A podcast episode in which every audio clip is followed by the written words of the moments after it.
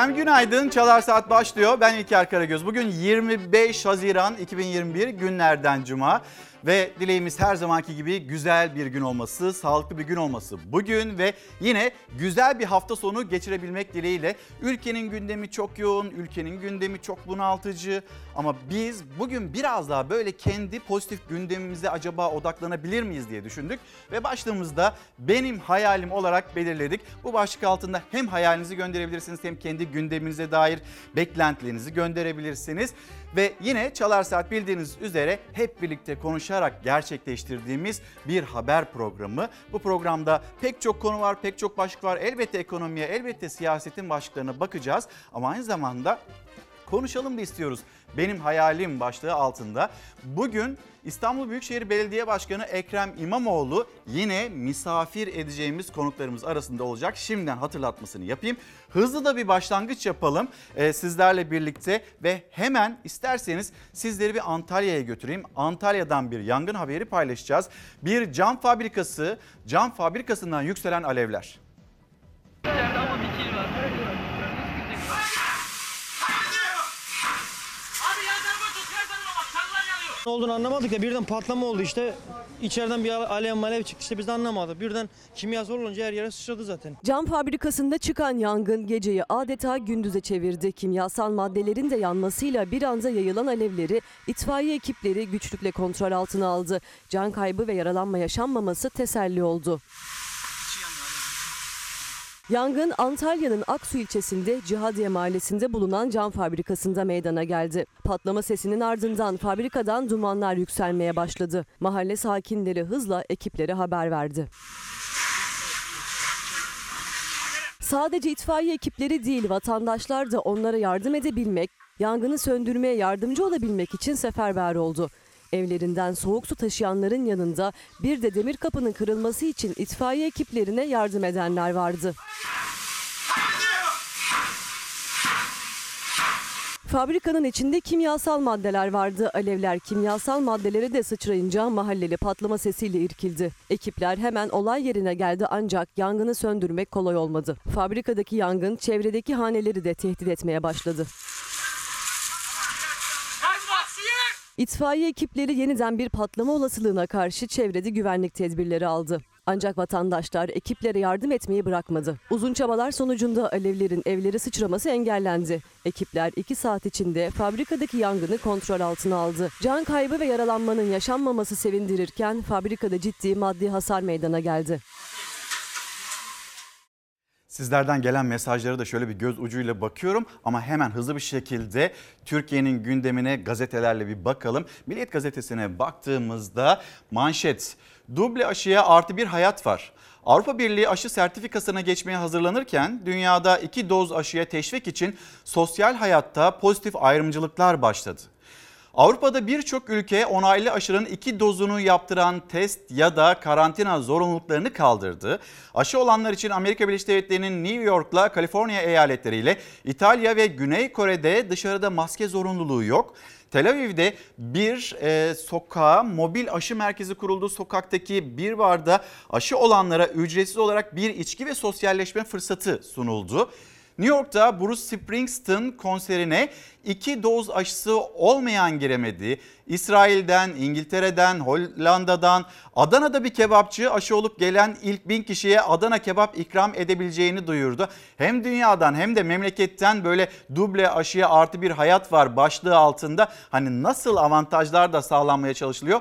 Onun haberi Milliyet gazetesinde Moskova'da 14 Haziran 11 Temmuz'da ilk doz aşı olanlara e, katılacağı çekilişte otomobil hediye edileceği açıklandı. Yani bütün dünyada herkes, bütün insanlar aşıya davet ediliyor. Çünkü koronavirüs hala ölümcül. Hemen bir müsaadenizle savaştan da rica edeyim. Türkiye'nin koronavirüs tablosuna bakalım. Kaç kişi hastalandı, kaç kişi hayatını kaybetti? Bunun bilgisini de paylaşmış olalım. Yapılan test sayısı 223.385. Vaka sayısı 5703 hala çok yüksek. Hasta sayısı, hastanelerde tedavi görenlerin sayısı 498, vefat edenlerin sayısı ise 59. Erişkin yoğun bakım doluluk oranının %63.9 63.3 olduğunu söylemiş olalım ve Türkiye'nin Hem aşı karnesine bakalım hem bir tablosuna bakalım ve bir kez daha söyleyelim. Hani uzmanlar söylüyor, sanatçılar Sağlık Bakanlığı'yla koordine halinde ve herkesi aşı olmaya davet ediyorlar. Bugün itibariyle 18 yaş için o randevular da açıldı. Lütfen genç arkadaşlarımız onlar da gitsinler ve aşılarını yaptırsınlar. 50 bin kaybımız var derken dolaylı nedenlerle en az en az bir bu kadar daha vatandaşımızı kaybettik. baştan beri Sağlık Bakanlığı gerçek verileri Türkiye'den sakladı. Dün yaptığı açıklamada Sayın Bakan e, adeta bunu itiraf etti. Türk Tabipleri Birliği başta olmak üzere uzmanlar aylarca koronavirüs nedeniyle ölenlerin sayısının daha fazla olduğunu öne sürdü. Tabloda toplam vefat sayısı 50 bine yakın. Sağlık Bakanı Fahrettin Koca ise salgının 15. ayında en az 50 bin hastanın daha dolaylı da olsa yine salgın nedeniyle yaşamını yitirdiğini açıkladı. Dolaylı nedenlerle en az en az bir bu kadar daha vatandaşımızı kaybettik. Türk Tabipleri Birliği defalarca söyledi ve e, açıkçası 3-3,5 misli kadar daha fazla insanın yaşamını yitirdiğini ortaya.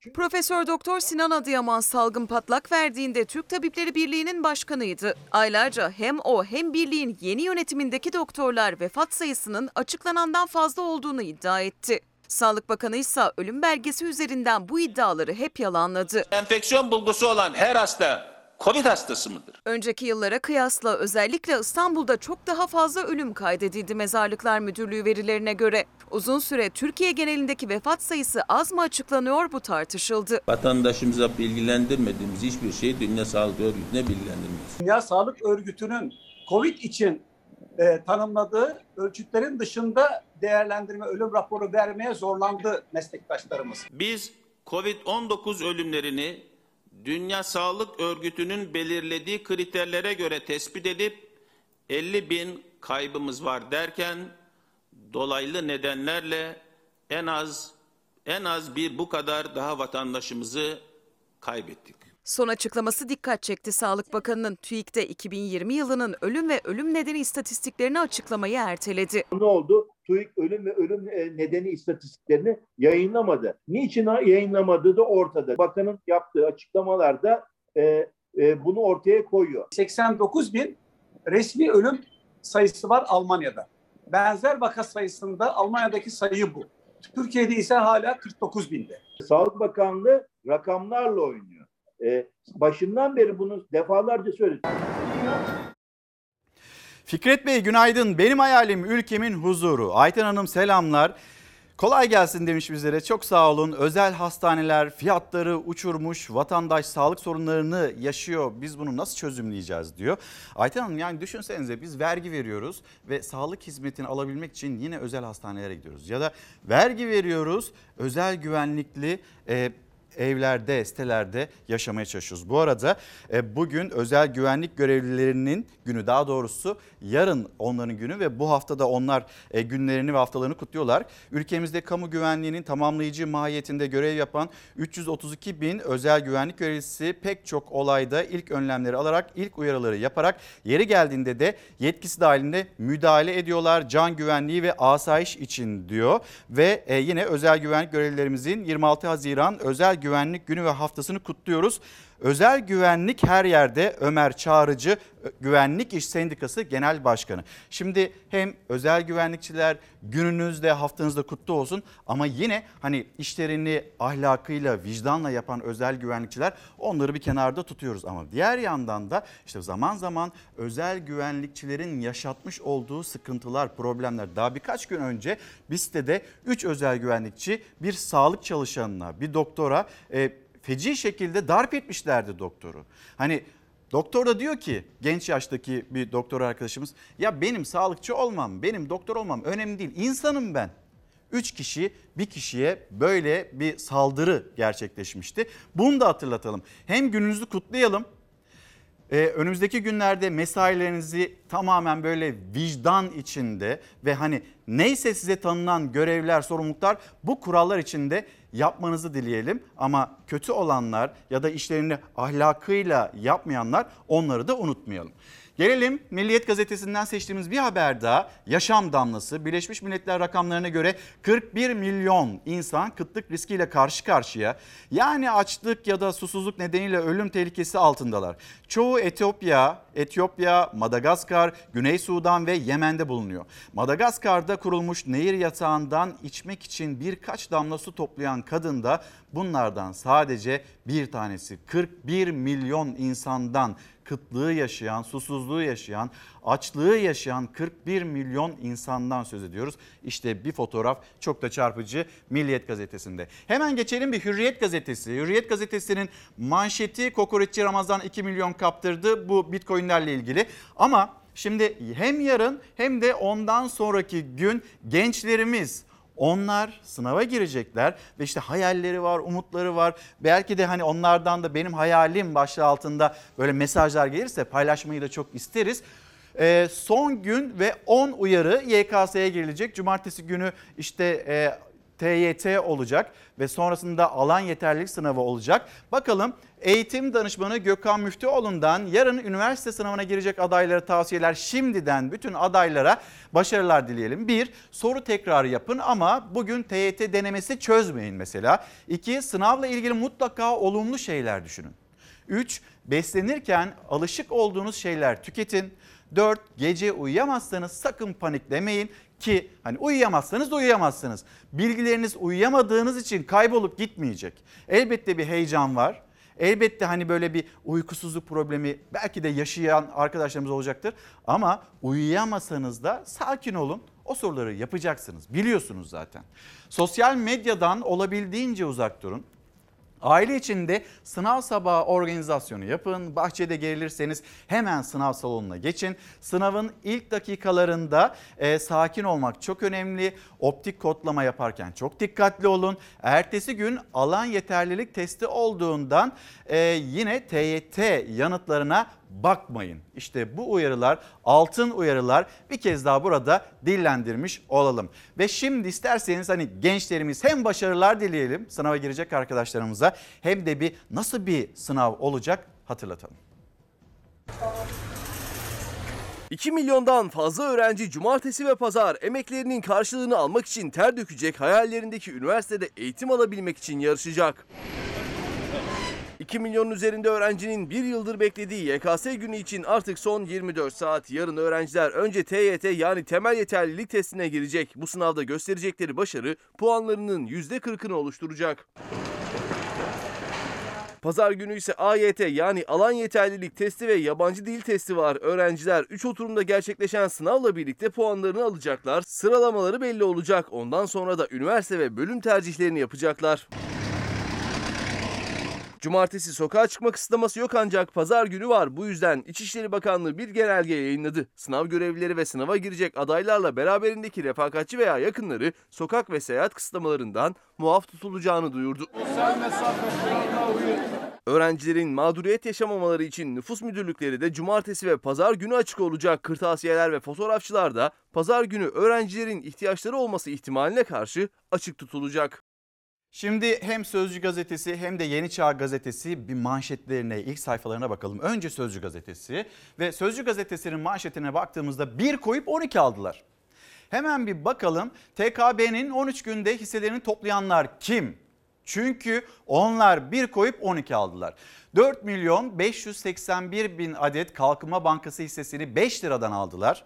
23 milyon yatırdılar. 13 gün sonra tanesini 60 liradan sattılar. 280 milyon kazandılar.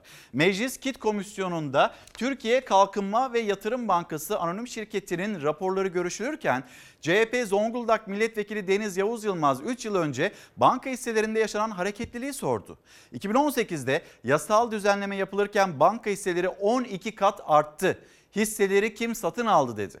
Hisse hareketliliği sırasında içeriden bilgi mi sızdırıldı şüphesi doğdu. Banka Genel Müdürü İbrahim Halil Öztop ise bankanın %0.92 borsada işlem görüyor.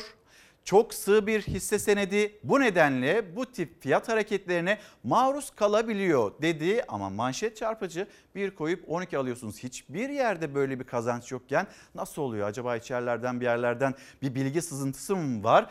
Ee, Deniz Yavuz Yılmaz Zonguldak milletvekili bunu dillendirdi. Şimdi gelelim diğer haberlere seçtiğimiz PTT yönetimiyle ilgili bir haber. Yine Sözcü gazetesinde PTT yönetimi su gibi benzin harcıyor. Zarardaki kurumun yöneticilerine yıllık sınırsız benzin hakkı. Geçen yılı rekor zararla kapatan PTT'de büyük savurganlık, genel müdür, yardımcıları, daire başkanları ve yönetim kurulu üyelerine makam araçlarında kullanmaları için yıllık sınırsız benzin kullanım hakkı verildi.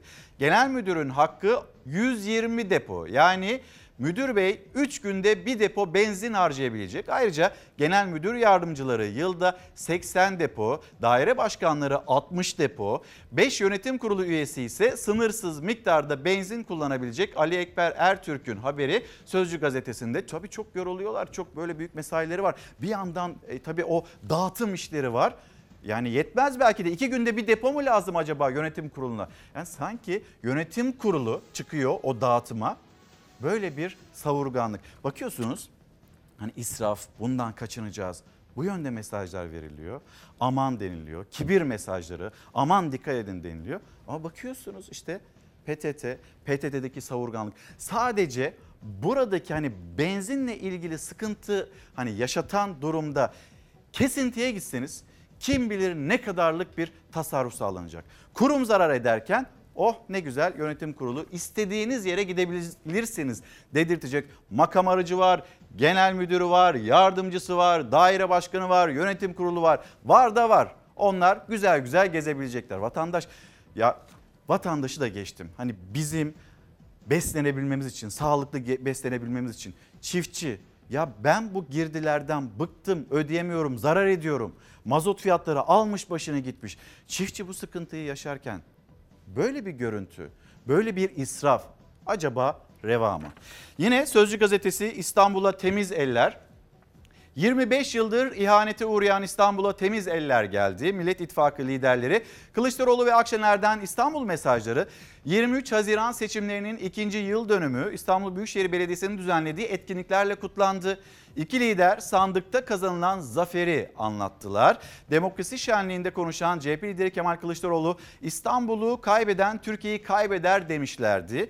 Bu cümlenin tersi ise İstanbul'u kazanan Türkiye'yi kazanır dedi. İyi Parti lideri Meral Akşener de şölene video mesaj gönderdi. Akşener mesajında 25 yıldır sürekli ihanete uğrayan Aziz İstanbul temiz ellere, iyi insanlara devredildi. Haramın hortumları kesildi dedi. İstanbul Büyükşehir Belediye Başkanı Ekrem İmamoğlu ise 2 yılda yaptıklarını anlattı ve engel, engellemeler için iktidarı sert dille eleştirdi. Tekrar söyleyelim birazdan İstanbul Büyükşehir Belediye Başkanı Ekrem İmamoğlu burada Çalar Saat'te yayınımızda olacak. Kendisine soracağım sorular var. Bir yandan tabii o iki yıl nasıl geçti? Hangi engellemelerle karşılaşıldı? Millet İttifakı belediye başkanları adına belki bununla ilgili cümleler kuracaktır. Yine Kanal İstanbul yarın hani böyle ilk kepçe, ilk resmi tören, kepçe vuruldu da ilk resmi tören yapıl, yapılacak. Bu Kanal İstanbul'a dair mi yoksa devam eden bir otoyola dair mi? Kanal İstanbul'la ilgili bilim ne söylüyor? Ee, İstanbul Büyükşehir Belediye Başkanı yaklaşımını nasıl ifade ediyor? Bu Kanal İstanbul bu kadar dillendiriliyor. Hiç mi olumlu yanı, yok acaba? Yine konuşacağımız konulardan bir tanesi müsilaj meselesi. Devam edelim şimdi Yeni Çağ gazetesiyle. Yeni Çağ gazetesinin manşeti hayat normal Zamlar anormal. Haziran ayı ile birlikte kepenklerin açılmasıyla zamlar da ardı ardına geldi. Salgın döneminde kriz yaşayan konaklama, yeme içme, hazır giyim gibi sektörlerde fiyat artışları %40'lara ulaştı. Ama biz acaba bu fiyat artışlarını yine e, TÜİK'in o hesaplamalarında Görebilecek miyiz, göremeyecek miyiz? Benim hayalim artık böyle şeffaf bir şekilde bu bilgilerin, verilerin de paylaşılabiliyor olması. Şimdi devam edelim. Esnaf, esnafa hibe ile ilgili o son dakika gelişmesini dün Çalar Saat'te sizlerle paylaşmıştık. Esnaf diyor ki ben önceki hibeyi alamadım ki hangi hibe ile ilgili süre uzatıldı. Bir yandan bunun tartışması devam ediyor. Bir de 30 Haziran kritik bir tarih. Ne e, 3000 5000 lira olan e, hibe desteğinde e, ne ciro kaybında ne de kira desteğinden 750 lira 1000 lira olan kira desteği vardı. Hiçbirinden faydalanamadık. 20 yıldır buradayız. Kadıköy'deyiz. işletmeciyim. 20 yıldır devletten şu ana kadar 20 lira almış değilim. Esnafa destek kim vermiş abi biz alalım? Yani 1 milyar 5 milyar olacak iş değil ki abi. Kira birikti. Personel gideri. Faturalar zaten başlı başına bu kıyamet yani. Aylardır ya kapalıydılar ya da paket servisle işlerini döndürmeye çalıştılar. Çoğu kira desteğinden de ciro kaybı desteğinden de yararlanamadı. Son olarak faaliyet alanına göre 3 ya da 5 bin lira hibe verileceği söylendi. Hatta hibe başvurusu süresi uzatıldı. Ancak o destekten de tüm esnaf yararlanamıyor. 3 ve 5 bin liralık hibe desteğinin son başvuru tarihini gelen talepler üzerine 1 Temmuz 2021 Perşembe saat 23.59'a kadar uzattık. Ya sanki herkes destek almış, büyük paralar almış, kapalı olduğu dönemlerde güllük gülistanlık yaşamış gibi bir algı yaratıyor. Esnafa verilecek 3 ve 5 bin liralık hibe için başvuru süresi uzatıldı. Oysa esnaf zaten çoktan başvurmuştu bu desteğe. Ama çoğunun başvurusu olumsuz sonuçlandı. Kesinlikle alamadık. Başvurdunuz. Başvurduk çıkmadı. Yani normalde bu dükkanın kirası 22 lira.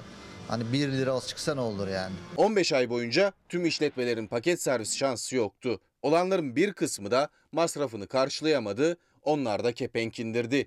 Diğer ülkelerdeki gibi destek istedi esnaf ama 1000 liralık kira yardımı bile herkese çıkmadı. 5000 liralık hibe desteği de zaten açıklarını kapatmaya yetmeyecekti. Ama o da şartları sağlayanlara veriliyor. Biz o listede yokuz. Şahıs olanlar aldı diyebiliyorum. Yani o da çok yüzdeye vurursak herhalde yüzde yirmi gibi bir şeydir. Çünkü buradaki işletmelerin çoğu şirket. Siz kaç ay kapalı kaldınız peki? 9 ay. 15 ay içinde 9 ay kapalı kaldık. Devlet orada onlara 1,5 milyar lira bir para verdi. Yani bol bol harcayabilecekleri bir paraydı o da. Yani harca harca bitmez bir para. Düşünebiliyor musunuz? Kiralar 2000 lira, 1500 lira yardım ediyorsunuz. Ayda 1500 lira ücretsiz izin maaşıyla geçinmeye çabaladı çalışanlar. 30 Haziran'dan itibaren o dönemde kapanıyor. İşten çıkarma yasağının sona ermesiyle birlikte kısa çalışma ve ücretsiz izin uygulaması da bitiyor. Normalde 4 kişi çalışan yerde 2 kişi çalışıyoruz. Hani mecbur çıkacağız. Ne yapacağız yani? Başka şey yok çünkü yani ya kapatacağız. Bu şekilde yürümeyecek zaten. İşsiz kalma korkum yani tabii herkesin olduğu gibi benim de var. Zaten hep eksildi yani elemanlar falan da. Bilmiyorum ne olacak halimiz. Esnaf istemese de hesap kitap yapıyor, işten çıkarmaya hazırlanıyor. Çalışanlar da işlerini kaybetme ve bu işsizlik ortamında yeni bir iş bulamama kaygısı taşıyor. Aynı zamanda öğrenciyim. Okuyorum ve çalışmaya çalışıyorum, çalışıyorum da. Geçinme sıkıntısı var artık. Nereye gittiğimiz, ne yaptığımız, e, ne olacağımız da belli değil.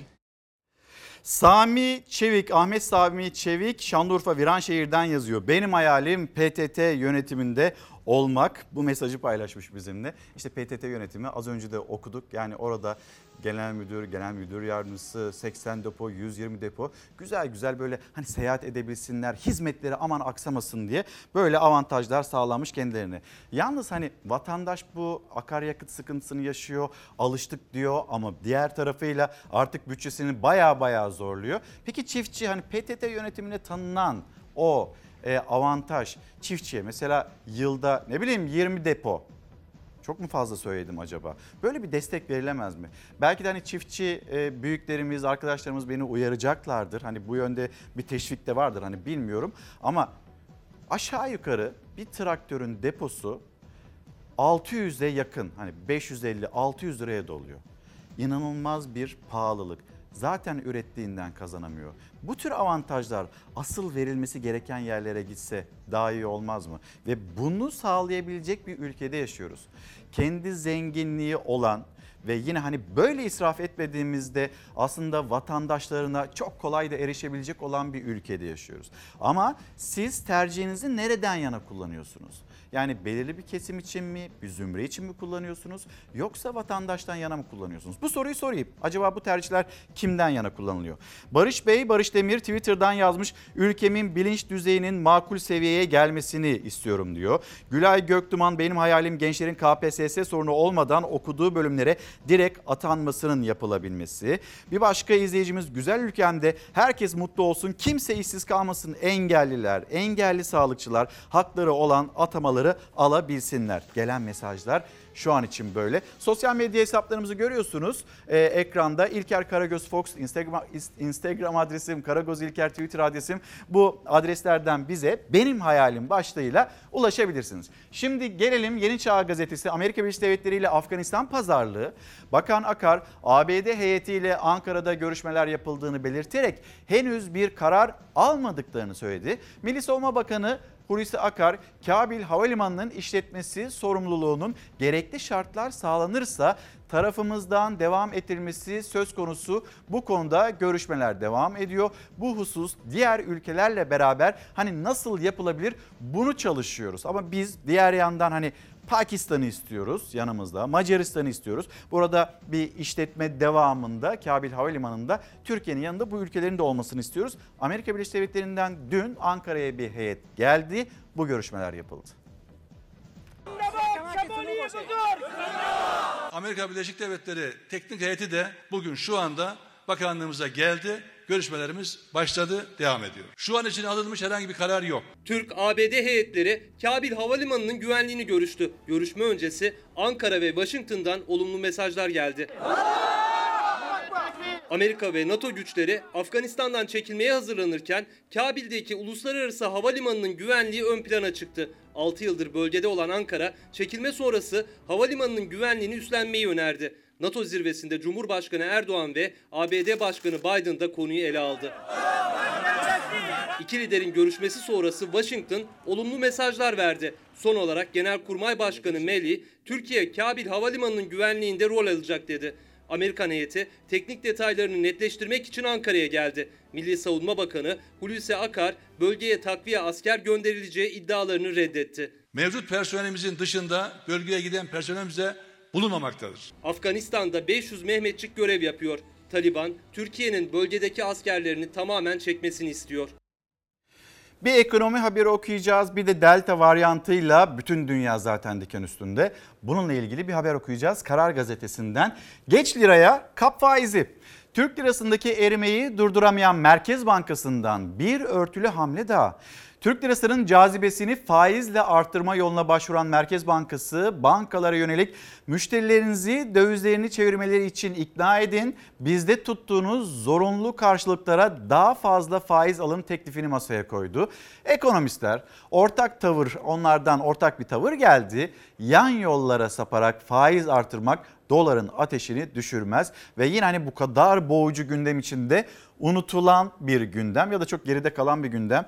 128 milyar dolar nerede? Bu 128 milyar dolar şimdi hayatımızda olsaydı biz böyle bir sorun yaşar mıydık? Kuru baskılamak için niye böyle bir para eritildi? Merkez Bankası'nın rezervleri neden eritildi? Yine sorular arasında e, soruları arasında muhalefetin. Gelelim dünyanın yeni sınavı Delta varyantı. Fransa'dan Kongo'ya kadar başkentlerde alarm. Covid'in Hindistan'da mutasyona uğrayan versiyonu olan Delta varyantının önüne geçilemiyor. Birleşik Krallık'ta günlük vaka sayısı %40 art, arttı. Fransa'da hükümet sözcüsü yeni türün görülme oranının hızlı artışla %10'a çıktığını söyledi. Dünya Sağlık Örgütü de Delta'nın 14 Afrika ülkesinde tespit edildiğini duyurdu. Türkiye'de ise Bakan Koca'nın 16 ilde 134 vaka var açıklamasından sonra endişe arttı.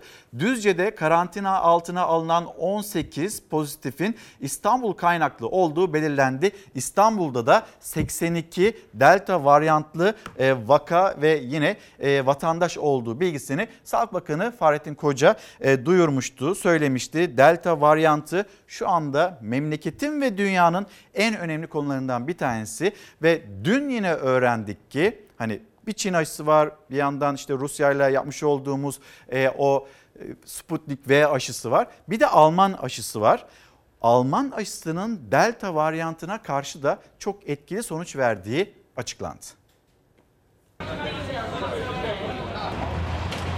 Delta varyantıyla ilgili ülkemizde şu ana kadar 134 vakamız oldu. Toplam 16 ilimizde görüldü. Daha kolay bulaşıyor, iyileşmesi uzun sürüyor. Dünyayı alarma geçiren delta mutasyonu artık Türkiye'de. 16 ilde tespit edildi. Yarısından çoğu ise İstanbul'da. Ağırlıklı olarak da İstanbul'da görüldü. 134 vakanın 82 İstanbul'da. Her geçen gün bunun artabileceğinden de endişe ediyoruz. Salgın günlük 5000'deki vaka sayısıyla hız kesmeden devam ederken yeni endişenin adı Delta varyantı. İlk olarak Hindistan'da görüldü. Koronavirüsün bu yeni formu kısa sürede diğer ülkelere de ulaştı. 80'den fazla ülke arasına son olarak Ukrayna'da eklendi. Hint nüfusunun fazla olduğu İngiltere salgını neredeyse kontrol altına almıştı. Vaka sayıları yeniden 16 binin üstüne çıktı. İsrail'de aşı olunsa da delta teması olan herkese karantina kararı alındı. Türkiye'de yurt dışından gelenlere yönelik karantina uygulamasını gözden geçiriyor. 1 Temmuz itibariyle bunu biraz daha detaylandırmış olacağız. Belki bazı ülkelerde e, yasak koymakta e, gerekebilir. Delta varyantı olan vakalarımızı yakın takibe aldık. Şu anda bunlardan 10 tanesi aktif olarak takip ediliyor. Etrafındaki temaslı olan aile bireyleri olsun veyahut da diğer temas ettiği kişiler karantina altındalar. İstanbul'dan sonra en çok delta varyantı tespit edilen il Düzce. İl Sağlık Müdürü temaslıların karantinaya alındığını açıkladı. Sağlık Bakanı Fahrettin Koca da delta nedeniyle yeterli aşılama yapılana dek maskelerin çıkarılmaması gerektiğini hatırlattı. Toplumsal bağışıklığın oluştuğu en az %70 oranında aşılamanın olduğu dönemde maskelerden de artık kurtulabileceğimiz dönem olur diye düşünüyorum. Salgının bittiği yönündeki rehavetin önüne geçecek uyarı da yine Bakan Koca'dan geldi. Virüse yakalanmamak için tedbirlerin elden bırakılmaması gerektiğini vurguladı. Çünkü ilerleyen süreçte hastalığı atlatanları nelerin beklediği hala net bilinemiyor. Koronavirüs geçirenlerin sağlık kontrollerini aksatmamalarında fayda var. Gelecek 3 yıl boyunca hastalığı geçirmiş kişilerde ne tür yan rahatsızlıklar çıkacağı tespit edilemese de mevcut ölümlerin 3-4 katı kadar daha kayıp beklendiği belirtilmektedir. Bu son derece hazin ve vahim bir tablo ve beklentidir. Bir izleyicimiz yazmış. Benim hayalim hayal kurabilmek. Yani nasıl bir ruh hali, nasıl bir psikoloji içinde olduğumuzda lütfen yönetenler, vatandaşın neler hissettiğini lütfen yönetenler iyi anlayabilsin. Benim hayalim insanların güzel güne uyandığı, kaygıların, korkuların olmadığı, çocukların mutlu olduğu günler inşallah olur. Hemen bir isminize de bakayım efendim görebilirsem Filiz Aydış'ın mesajı bu şekildeydi. Gazete Pencere diyelim. Bal tutan parmağını yalıyor. Sağlık Bakan Yardımcısı Sebahattin Aydın eşinin kurucusu olduğu şirketin aldığı ihalelerle ilgili haberleri yalanladı. Ama ailenin şirketle ilişkisi yalanlamayı boşa çıkardı. Ne olmuş? Sebahattin Aydın eşinin 20 yıl önce kuruluşunda yer aldığı şirketin Sağlık Bakanlığı'ndan aldığı ihalelerle bağlantıları olmadığını açıkladı. Şimdi eşi kurucusu ama Sağlık Bakanlığı'ndan alınan ihalelerle bizim ilgimiz yok, bir bağlantımız yok demiş Sayın Bakan Yardımcısı Sebahattin Aydın. Ancak şirketteki görev değişikliklerine bakıldığında tablo çok da Aydın'ın anlattığı gibi değil. Bakan Yardımcısı Sebahattin Aydın ne zaman Sağlık Bakanlığı'nda görev alsa aile şirketle ilişkisini kesmiş. Aydın ne zaman bakanlık dışında bir göreve atansa sanki verilmiş bir emanetin alınması gibi aile yeniden şirket yönetimine dönmüş. Manşet başlık bal tutan parmağını yalıyor. Yine devam edelim gazete pencereden diğer haberlerimizle seçtiğimiz diğer haberleri de aktarma fırsatımız olsun. Kabus Delta, e, Delta virüsü meclise de geldi ve mecliste böyle bir alarm var. Mecliste koronavirüs Delta varyantı şüphesiyle MHP ve CHP'de milletvekili danışmanlığı yapan iki kişi karantinaya alındı. Koronavirüs tehdidine karşı Mayıs ayında ikinci doz aşılarını olan iki danışmanın buna rağmen rahatsızlanarak başvurdukları meclis hastanesinde yapılan test sonuçları pozitif çıktı. Danışmanları arayan Çankaya İlçe Sağlık Müdürlüğü yetkilileri yapılan test sonucunda yeni mutasyon delta şüphesi olduğunu belirterek evlerinden 14 gün boyunca çıkmamalarını istedi. Acaba tabii bir filyasyon süreci de muhtemelen işliyordur. Öncesinde meclis dediğiniz yer o kadar kalabalık bir yer ki işte salı günlerini düşündüğünüzde o milletvekillerinin danışmanları kimlerle, hangi ziyaretçilerle acaba temas halindelerdi? Bu da önemli. Burada yine filyasyonun çok ciddi bir şekilde takip edilmesi ve işletilmesi gerekiyor. Umutsuzluk üzerine bir haber daha yine gazete pencereden. Umutsuzluk iş aramayı bıraktırdı. Türkiye Devrimci İş Sendikaları Konfederasyonu Araştırma Merkezi DİSKAR, Avrupa Birliği İstatistik Ofisi tarafından yayımlanan raporu analiz etti. Buna göre COVID-19 salgını nedeniyle 15-64 yaş aralığındaki iş gücüne dahil olmayan nüfus tüm dünyada arttı. Türkiye ise Avrupa ülkeleri arasında 15-64 yaş aralığındaki iş gücüne dahil olmayan nüfusun en fazla olduğu ülke olarak belirlendi. Rapora göre son yıllarda artış eğiliminde olan ümitsizlikleri de içinde bulunduran iş aramayıp çalışmaya hazır olanların sayısında yükseliş söz konusu. Türkiye'de iş aramayıp çalışmaya hazır olanların yani ümitsiz ve diğerlerinin sayısı son bir yılda %84.4 artarak 2020 yılında 4 milyon 219 bin kişiye ulaştı. Rapordaki verilere göre Avrupa Birliği ortalamasında 15-64 yaş iş gücüne dahil olmayanların oranı 2019 ve 2020 arasında 0.5 puan artarak 2020'de %27.1 oldu. Tablonun ne kadar vahim olduğunu aslında görmemiz gerekiyor. İşsizlik önemli, yakıcı bir problem. 30 Haziran'dan sonra acaba bu kısa çalışma ödeneği işten çıkarma yasağının kalkması Ondan sonra eğer bir düzenleme olmazsa tabii ondan sonra göreceğiz biz asıl işsizlik neymiş, ne kadar kişi daha bu işsizler ordusuna katılıyormuş ondan sonra göreceğiz. Şimdi o zaman isterseniz işsizlik dedik. Saadet Partisi dün hani sosyal medya üzerinden YouTube üzerinden de bu e, kongreyi duyurdu bütün Türkiye'ye. İşçi kongresine bir gidelim. Peki çalışanı olarak malum e, bugün e, savunma sanayine bir taslak e, sunuldu. Ve taslakta e, bizi işçilerin yani kamu işçisinin bile 4857 yasaya bağlı olarak normal özel hukuk yasalarına bağlı olarak işçi olarak çalıştırılmak istiyoruz. E, savunma sanayi gibi bir sektörde böyle bir taslağın yapılması hem bizi hem de e, ülke olarak e, çalışan arkadaşlarımızı hem işçi hem memnu arkadaşlarımızı derinden yaraladı. Yani bu konuda biz e, taslak sunulmadan önce de malum Afrin'de, Celabrus'ta, yurt dışında, yurt içindeki e, harekatlarda da e, en üst seviyede çalıştık, azim gösterdik. Sadece bize teşekkür edilerek geçiştirildi. Maalesef bugün geldiğimiz noktada da e, biz gözden çıkarılı, çıkarılıyoruz gibi bir taslak önümüze sunuldu. Bu taslakta da e, işçiyi koruyan herhangi bir şey yok. MK'ye Makina Kimya Endüstrisi Kurumu'ndan Makina Kimya AŞ'ye dönüştürülüyoruz. Belki ileriki yıllarda özelleştirilip e, farklı kişilerin eline de geçebilir. Savunma sanayi gibi bir sektörün özel kuruluşların eline geçmesi ne kadar doğrudur? Bunu da e, sizlerin takdirine de bırakıyorum Genel Başkanım. Bu konuda e, sizin de sizlerin de Saadet Partisi olarak bizlerin derdini e, gündem yapmanızı istiyoruz. Şu anda arkadaşlarımız da dinliyor. Çok teşekkür ediyorum. Şimdi talihsiz bir kaza haberiyle devam edeceğiz Yer Malatya.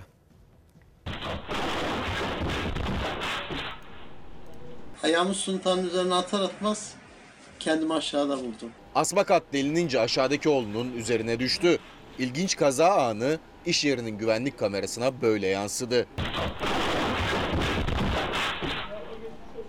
Malatya'da yaşayan esnaf Ersin Kaya sabah oğluyla birlikte iş yerini açtı. Baba bir ara eşya yerleştirmek için asma kata çıktı.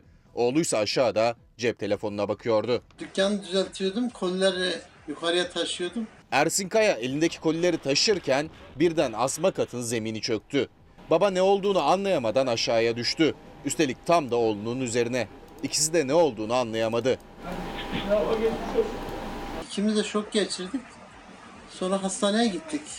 Film falan çektik. Çok şükür bir şey yoktur. Ufak tefek sayı sırıklarla kapattık. Baba ve oğlu yaşadıkları şoku atlatır atlatmaz hastaneye koştu. İkili kazayı hafif sıyrıklarla atlattı. Geriye güvenlik kamerasına yansıyan bu görüntüler kaldı. Çok geçmiş olsun. Efendim şimdi bir mola verip hemen dönelim. Günaydın bir kez daha. Çalar Saat devam ediyor. Başlığımız benim hayalim. Hemen bir size Fox TV'nin penceresinden bir İstanbul'u göstereyim. Sonra bir Ankara'dan bahsedeyim. İstanbul'da bugün böyle nemli ve yavaş yavaş artık yazın kendisini hissettirdiği bir gün olacak. Hava sıcaklığı 29 dereceleri bulacak. Ankara'da günlerdir yağış alan bir şehirdi başkent Ankara. Bugün açık bir hava var ve önümüzdeki günlerde de yine Ankara'da hava sıcaklıkları artacak. Bugün 24-25 derece olacak başkent Ankara. Memleket, memleketin havasını da birazdan getirelim ekranlarınıza ama sizleri bir Çekya'ya götüreceğiz. Çekya'da yaşanan bir kasırga felaketi.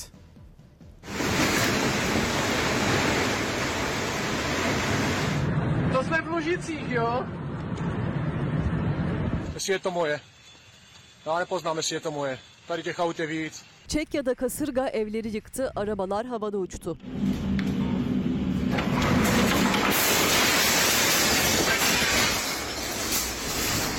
Çekya'nın Güney Moravya bölgesinde kasırga, hortum ve aniden bastıran dolu yağışı bölgeyi adeta paramparça etti. Savaş alanına dönen afet bölgesinde hortum önüne kattığını havada uçurdu. Henüz can kaybının tespit edilmediği olayda yüzlerce kişinin yaralandığı açıklandı. Kasırga sırasında Güney Moravya'dan geçen Türk firmasına ait bir tırın devrildiği, şoförünün yaralandığı açıklandı. Türk tır şoförü İbrahim Tekçe'nin vücudunda kırıklar oluştuğu ambulansların yoğunluğundan dolayı Büyükelçiliğin devreye girerek Tekçe'nin hastaneye ulaştırıldığı belirtildi. Kasırga sonrası 7 belediye hasar bildiriminde bulunurken yıkılan binaların ve su basan evlerin altında çok sayıda kişinin olduğu ifade edildi. Afetin en ağır hasar verdiği Hodonin bölgesinde bulunan Türk şehitliğinin durumuna dair henüz bir bilgi yok. Afet sırasında yaralı 150 kişinin tedavi altına alındığı açıklanırken yaralı sayısının çok daha fazla olduğu düşünülüyor. Hemen bir koronavirüs gündemi geri dönelim hatırlata hatırlata devam edelim. Çünkü 1 Temmuz itibariyle hayatımız normalleşecek. Normalleşirken hani hep beraber bıktığımız için normalleşmeye de ihtiyacımız var. Normalleşirken biraz da böyle dikkatli olmamız gerekiyor. Çünkü delta varyantı diye bir şey ortaya çıktı Hindistan kaynaklı. Delta'yı duyduk ya bu neymiş derken bir de delta bir daha e, mutasyona uğramış delta plus'ı yine çıktı. Dünyadan çeşitli varyant haberleri geliyor. Dikkatli olmamız gerekiyor. Akşam gazetesi, akşam gazetesinde seçtiğimiz haber Türkovak'ı 3. doza yetiştireceğiz. Erciyes Üniversitesi Rektörü Profesör Mustafa Çalış, Türkovak aşısının en kısa zamanda uygulanacağını söyledi. Çalış faz 3'ü tamamlayıp aşıyı insanlığa sunacağız ama şu anda pandemi var. Vatandaşlarımız hangi aşıya ulaşabiliyorlarsa hemen gitsinler o aşıyı olmaları gerekiyor diyor Mustafa Çalış. Rektör Çalış şu bilgileri de paylaştı. Gönüllerimizde %100 antikor, gönüllülerimizde %100 antikor oluştu. Mutant virüslerle ilgili de Aykut Özdarendeli hocamız ve ekibi laboratuvarda çalışıyor. Yani bir yandan faz 3 çalışması, diğer yandan da işte bu mutant virüslere karşı yeni bir ekip e, Aykut Özdarendeli hoca, hoca ve onun ekibi bunun üzerinde çalışmalarına devam ediyor. Şöyle bir gazetenin geneline geri çıktığımızda 45 milyonu aştık. Sırada 18 yaş var. Bugüne itibariyle 18 yaşta aşılanmaya başlıyor. Türkiye genelinde yapılan toplam aşı sayısı dün 23.45 itibariyle 45.5 milyonu aştı. 18 yaş üstü herkes bugünden itibaren randevu alacak ve aşı olabilecekler. Ve hemen bakalım aşılama noktasında neredeyiz? Hani 18 yaş ve üstü artık aşılanmaya başlıyor. Çocuklar hani dünya bunu konuşuyor. 12, 15 yaş, 12, 18 yaş. Onlar da acaba aşılansa mı? Bunu tartışırken Türkiye'de şöyle bir hani bilim kurulunun tavsiye kararı var. Kronik hastalığı olan çocuklarımız 18 yaş altı onlarla ilgili bir aşı düzenlemesi olacak. Derin nefes alalım. Evet şöyle bastıralım. 18 yaşı zaten yapıyoruz.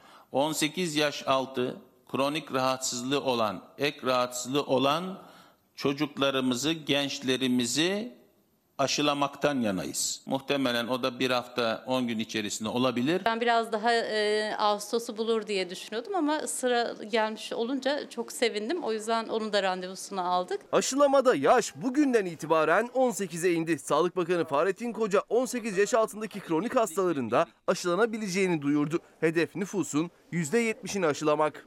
55 milyonu en az bir doz aşıyı yapmayı erken dönemde hedefliyoruz. 60 milyon erişkin nüfus, tabii çocukluk yaş grubu 12-18 yaş arasında katarsak aşağı yukarı 70 milyon bir nüfus ediyor bu. 70 milyonun 2 ile çarpılması işte 140 milyon doz en azından bir aşıya ihtiyacımız var gözüküyor. Bize Sinovac aşısının şu ana kadar gelen aşı miktarı 34 milyon oldu. BioNTech 24,5 milyon olduğunu, pazartesi ve salı günü 5 milyona yakın daha dozun geleceğini söyleyebilirim. Şu ana kadar 58,5 milyon doz aşı geldi Türkiye'ye. Uzmanlara göre hedefe ulaşabilmek için iki katı kadar daha aşı gelmesi gerekiyor. Şimdilik hızla ilk dozlar uygulanıyor. Birinci doz aşı uygulanan kişi sayısı 31 milyona yaklaştı. Toplam doz sayısı 45 milyonu geçti. Delta mutasyonu endişesi ise devam ediyor. Günlük vaka sayısı istenilen seviyeye inmiyor. Dün virüs nedeniyle 59 kişi hayatını kaybetti. Mutasyonlar nedeniyle 6 haftaya çıkarılan ikinci doz uygulamasının da öne çekilmesi planlanıyor. O yüzden aşı temini yeniden kritik bir hal aldı. Muhtemel 6 haftalık süreyi daha erkene de çekebiliriz. 4 haftaya da çekebiliriz. Önümüzdeki haftalar bunu netleştirmiş oluruz. 4 hafta ile 6 hafta arasında çok büyük bir antikor farkı oluşmadığı gözlemlendi. Mesela şimdi Temmuz ayında aşılamayı tamamlasak, Ağustos ayında ikinci dozlarını e, yapacağımızı düşünürsek onun 15 gün sonrası işte Eylül Eylül ortası gibi e, aslında toplumdaki bağışıklığı sağlamış olacağız. Tabii bu ne kadar kısa süre içerisinde yapılırsa o kadar iyi bizim için. Bankada çalışıyorum ve bir buçuk senedir idari izindeyim. Ee, yani ben de artık rahat rahat çalışmak isterim açıkçası. Yani idari izinde olduğum için de evden de çıkamıyorum. Bu şekilde herkes aşı olursa bence en iyisi olur diye düşünüyorum. Bir oğlum var. Üniversite öğrencisi. Çocukların bir an önce okula dönmesi için, eğitimin e, aksamaması için e, aşı olunması gerekiyor. Aşılamada yaş sınırının düşmesiyle birlikte üniversite hatta lise öğrencileri bile aşılanabilecek. Bu da bir yıla aşkın süredir aksayan eğitimin sonbaharla birlikte yeniden başlayacağına dair umutları arttırdı. Zaten BioNTech e, büyük ihtimalle ciddi anlamda aşı e, vermek üzere taahhütte bulundu. BioNTech konusunda bir sıkıntı çıkmayacak. İstanbul Tıp Fakültesi Dekanı Profesör Doktor Tufan Tükek bu süreçten sonra aşı temininde sıkıntı yaşanmayacağı görüşünde. Artık en önemlisi aşılama sürecine katılımın yüksek olması. Şu dönem içerisinde hastalananlar ve e, ciddi anlamda yoğun bakıma düşüp vefat edenlerin çoğu aşı yaptırmayanlar. Hakikaten aşı koruyucu, koruyor yani. Nefes alın. İçeride 10 dakika dinleyin ondan sonra gidersin hadi. Profesör Doktor Tufan Tükek vermiş olduğu mesajlar çok önemli.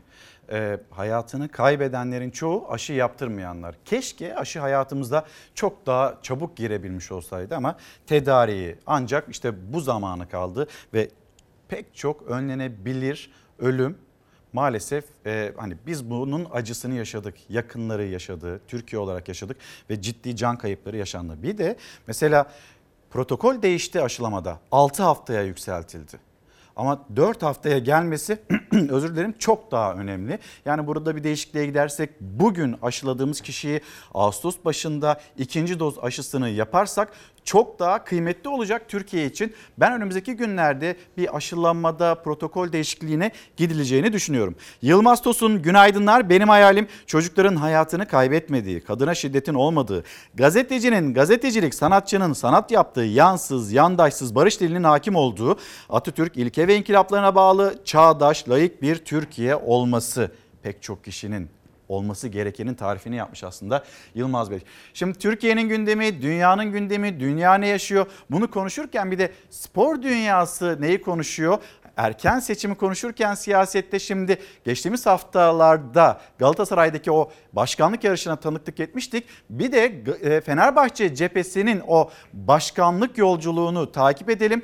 Dün Aziz Yıldırım Fenerbahçe'nin önceki başkanı bir basın toplantısı yaptı. Basın toplantısında da yeni yönetimi, mevcut yönetimi zehir zemberek sözlerle topa tuttu. Ne söyledi? Yıldırım'dan Koç'a bombardıman. Aziz Yıldırım Ali Koç'a basketbol takımını şirket haline getir hemen talibim. Ardından da Obradovic'i getireceğim dedi. Eski Fenerbahçe Başkanı Aziz Yıldırım kongreye iki gün kala Başkan Ali Koç'a çok ağır ifadelerle yüklendi. 16 bin kişi seni beyaz atlı prens diye seçti.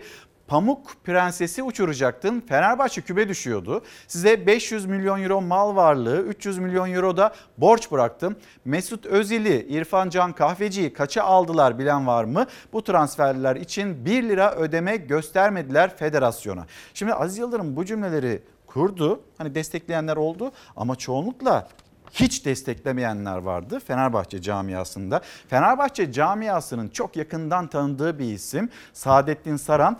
Ee, Ali Koç bu konuyla ilgili bir açıklama, bir değerlendirme yapmadı. Kulüp açısından hani bir açıklama yapıldı ama Ali Koç bugün konuşacak. Bugün konuşulacak. Yarın da e, Fenerbahçe'de işte o kongre süreci, başkanlık yarışı, oylar kullanılacak. Ne dedi Saadettin Saran? Kabul edilemez bir kere hani bu e, cümlelerle ilgili Aziz Yıldırım'a kabul edilemez dedi. Ben Fenerbahçe'nin kendisiyim demesi ne demektir? Bu söylem Fenerbahçe değerlerine, kültürüne tamamen aykırıdır. Hiç kimse kendini 1907'de kurulmuş Fenerbahçe'nin üzerinde göremez. Fenerbahçe halkındır, ben Fenerbahçeliyim diyen herkesindir. Aziz Bey'i bu konuda sonuna kadar kınıyorum. Bu tip söylemler Fenerbahçe'ye bir şey katmaz, sadece zarar verir dedi. Saadettin Saran'ın da değerlendirmesi bu şekildeydi. Kınıyorum dedi Aziz Yıldırım'ı. Hatalar yok mu? Var ama hatalar görüldü. Bundan sonra hatasız bir şekilde yol almak için mevcut yönetime destek vermemiz gerekiyor diyor Saadettin Saran. Yani bu cümlelerin kurulan bu cümlelerin ve ben Fenerbahçe'yim cümlesinin bir karşılığı olmadığını söylüyor. Ve şimdi de dünya korona. Delta varyantının yayılması sonrası gözler aşıların etkinliğine çevrildi. İngiltere'den sonra İsrail'de araştırma sonuçlarını paylaştı. BioNTech'in Delta varyantına karşı koruyuculuğunun %90 olduğu belirtildi. Salgını yönetmede başarılı ülkeler arasında gösterilen Avustralya'da Sydney şehrinin bazı bölgeleri için karantina kararı çıktı. Tedbirin gerekçesi Delta varyantı. Hindistan'da ortaya çıkarak dünyaya yayılan delta varyantı ülkeleri ararma geçirdi. Hindistan'da salgın çok kötüyken aşı sevkiyatının yavaşlaması, yardımların azalması ülkede durumu kötüleştirdi. Dünya Sağlık Örgütü defalarca salgının tehlikeli ilerlediği ülkeleri yalnız bırakmanın dünyayı tehdit ettiğini vurguladı. İşte bu tehditten ilk darbeyi İngiltere aldı. Günlük vakaların binin altına düştüğü ülkede bugün artış çok yüksek. 24 saate görülen vakalar 16 binden fazla. Vakaların neredeyse tamamı delta varyantı. İngiltere'den Avrupa'ya yayılan bu varyant kıtalar arası yolculuk yaptı. Bugün Avustralya'da da görüldü. Salgının başında tedbirleri sıkı tutan Avustralya yeni varyant sonrası da işi şansa bırakmadı. Sydney'de yeni vakaların görüldüğü bölgelere karantina geldi. Sydney'de insanlara zorunlu olmadıkça evinizden çıkmayın çağrısı yapıldı. Bu zamana kadar çok fazla bulaşma olmadığı için virüsün yayılmasının kontrolden çıkmayacağını düşünen Avustralya hükümeti ilk kez bu kadar hızlı bir bulaşma yaşandığını belirtti. Ülkede AstraZeneca'nın yan etkilerinden dolayı 60 yaş üstünde kullanımı durmuştu. BioNTech aşısının da yeterli sevkiyatı yapılmayınca ülkede aşılama yavaşladı. 26 milyon nüfusluk Avustralya'da bugün aşıda ilk dozu olanların sayısı yalnızca 7 milyon. Salgını kontrolde en başarılı ülke olarak gösterilen Yeni Zelanda, Avustralya'da artan delta mutasyonu vakaları sonrası ülkeye girenlere karantinayı zorunlu hale getirdi. En son İngiltere, BioNTech aşısının delta varyantında hastaneye yatışları %92 engellediğini açıklamıştı. Son araştırma İsrail'den paylaşıldı. Ülkede yapılan araştırmanın sonuçlarına göre BioNTech aşısı delta varyantına karşı %90 koruyucu. Ramazan Ulaş günaydın Adana'dan yazıyor Ramazan Bey. İlker Bey sürekli hani ben de mesaj atıyorum benim mesajımı okumuyorsunuz demiş. E, gördüm şöyle bir geriye gittim acaba ne yazmışsınız neyi kaçırdım diye. Ramazan Bey'in Ramazan Ulaş'ın e, hayali benim hayalim başlığı altında gönderdiği erken seçim. Acaba bir erken seçim olur mu olmaz mı? Muhalefet sokakta. Muhalefet sokakta esnafı dinliyor, çiftçiyi dinliyor, işçiyi dinliyor. Karşılaştığı herkesi dinliyor ve zaman zaman da bu gündeme geliyor. Muhalefet erken seçim istiyor. Hatta bununla ilgili dün Mehmet e, Öztasekin'in bir açıklaması vardı. CHP lideri Kemal Kılıçdaroğlu da kendisine karşı bir yanıt verdiği bir haberi de alıntılayarak hemen bir onu gösterelim. Bir erken seçim olur mu olmaz mı? AK Partili Mehmet Öztaseki %45 oyumuz var dedi. Yani sadece AK Parti'nin %45 oyu olduğunu söyledi. E şimdi bir ittifak MHP'nin de e, oyuyla topladığınızda %50'nin üzeri 50 artı 1 hani çoktan geçilebilecek bir seviyede. Madem öyle dedi Kılıçdaroğlu da müjdemi isterim. Cumhurbaşkanı Erdoğan da etiketleyerek haydi ne bekliyorsun hemen erken seçim dedi Kılıçdaroğlu. Ama bununla ilgili MHP'nin duruşu tavrı belli 2023'te olacak e, bu seçimler dedi. Ve burada bir kıpırtı gözlemlenmiyor. Yani Cumhur İttifakı cephesinde bir erken seçim olmayacağı dillendiriliyor. Ama muhalefet sokakta muhalefet de dert dinliyor. Kardeşim. İşler sakin, durgun, kapanmadan dolayı. Bura geçindiriyor mu evi? Kıt. Fiyatlar nasıl bu araya? Kargas kaça? Şu an 42-43 arasında. Ama işlerimiz durdu. İşlerimiz sıfır. Sıfıra sıfırdan devam diye. Hiç yok. Trabzon'da işlerimiz durma noktasında diyen küçük esnaf İyi Parti lideri Meral Akşener'e bize vaatleriniz ne diye sorarken İzmir'de ise bir genç Deva Partisi lideri Babacan'a iş yerinde yaptığı mesai üzerinden devletin aldığı vergiyi şikayet etti. 8 saat çalışıyorum, 4 saat mesai yapıyorum, 12 saat. 4 saat mesai param devlet benim üstümden sırtımdan vergi kesiyor. E zaten ben yolda yürüyorum vergi. Çorap giyiyorum vergi. Terlik giyiyorum vergi. Anahtarlık kullanıyorum vergi. Ayın birinde yan taraftaki birleştiriyorlar. Virüse dayanamadık kısacası. Yani 8 aylık bir mağaza. Cumhurbaşkanı milletvekillerine sokakta vatandaşla birlikte olun talimatını verdiği dakikalarda muhalefet liderleri esnaf ziyaretindeydi. İyi Parti lideri Meral Akşener Trabzon'da, Deva Partisi lideri Babacan da İzmir'de sokağın derdini dinledi. Kılıçdaroğlu da Hereke'de balıkçılarlaydı. Balıkçı kanunu çıkarıyor musun meslek kanunu? Çıkarıyorsan başımın üstüne oy vereceğim. Çıkarmıyorsan benden bir daha oy istemem. Bitti bu kadar basit. Geçmiş olsun. İdare etmeye çalışıyorum. Ürün de yok firmalarda. 3 aydır 6 aydır doğru düzgün ürün alamıyor. Nasıl işleriniz nasıl? İşlerin tadı yok. Başkanım tek bekledikleri şu anda ÖTV. Arabalar yıpranmış vaziyette aynen eski değil. Milletvekiline bakıyorum, bakanına bakıyorum. En güzel yemekleri yiyor. En güzel lüks arabalarla geziyorlar. Gözümüz yok. Gözü olanın gözü çıksın. Fakat bu kadar millet fedakarlık yapıyor. Neden bizim milletvekillerimiz, siyasetçilerimiz fedakarlık yapmıyor? Muhalefet il il, ilçe ilçe sokakta işçinin, esnafın, işsizin derdini dinlemeye devam ediyor.